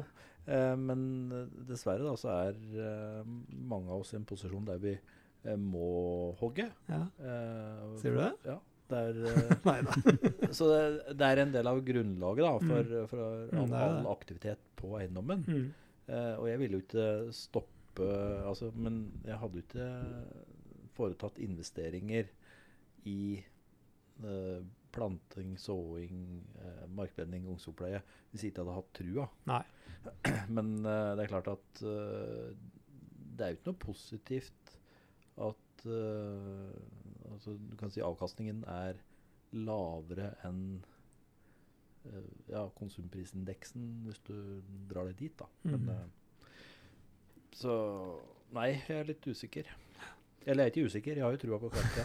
Ja, men det, det, det du skulle gjort, er at nå, nå er det bra priser. Ja. Rentene var høyt. Du skal hogge all femmeren din nå. Mm. Ja, men hva om to år, da? Hvis prisene er Hvis det er økt med 200 kroner, da? Ja, det, men det, det, kan du tro på, men det er en kjemperisiko å tro på at det skjer. Mm. Og det å gjøre det nå er en eh, forsikrings, OK. forsikring. Så du skal nå Men hvorfor gjør vi ikke det? For at en, en eh, rendyrka økonom ville faktisk gjort det. Ja, ja. Vi er eh, følelsesstyrte. Og vi, er, vi lever i trua. Ja, det, det må jo betyde på at en har tru på det. Ja, ja. Jeg tror at det blir eh, et par år med litt, litt nedgang og sånn. Inntil liksom hele sluttmarkedet kommer satt, og hele verdensøkonomien kommer satt. Om la oss si ja, tre år, da. Mm. Det, og da blir det bra igjen. Det tror jeg. Nå er, nå er tømmerprisen drevet av at eh, industrien vil ha tømmer. Det er ikke sluttmarkedet. For Nei, nei, nei. Det, pris på sluttprodukter er jo dårlig, og etterspørselen er jo dårligere. mm. Det tror jeg. Ja. Tror jeg. Tror kan gjøre kjørekja, sier du da. Nei, men det, er- det er vanskelig å spå liksom, tømmerpris og prisutvikling. Så det er jo utfordringen. Det er absolutt det. Men samtidig, ja, all vår agering tyder på at vi har trua. Ja, absolutt. Mm. Det, er, eh, det, det er det vi, vi lever i trua. Mm. Det tror jeg. Men eh, da lager vi eh, del to av den episoden her eh, etter jul. Og da blir det lukket hogst og selektiv hogst. Mm. Da får dere ha god jul, da, folkens. God jul. God jul, ja. Mm.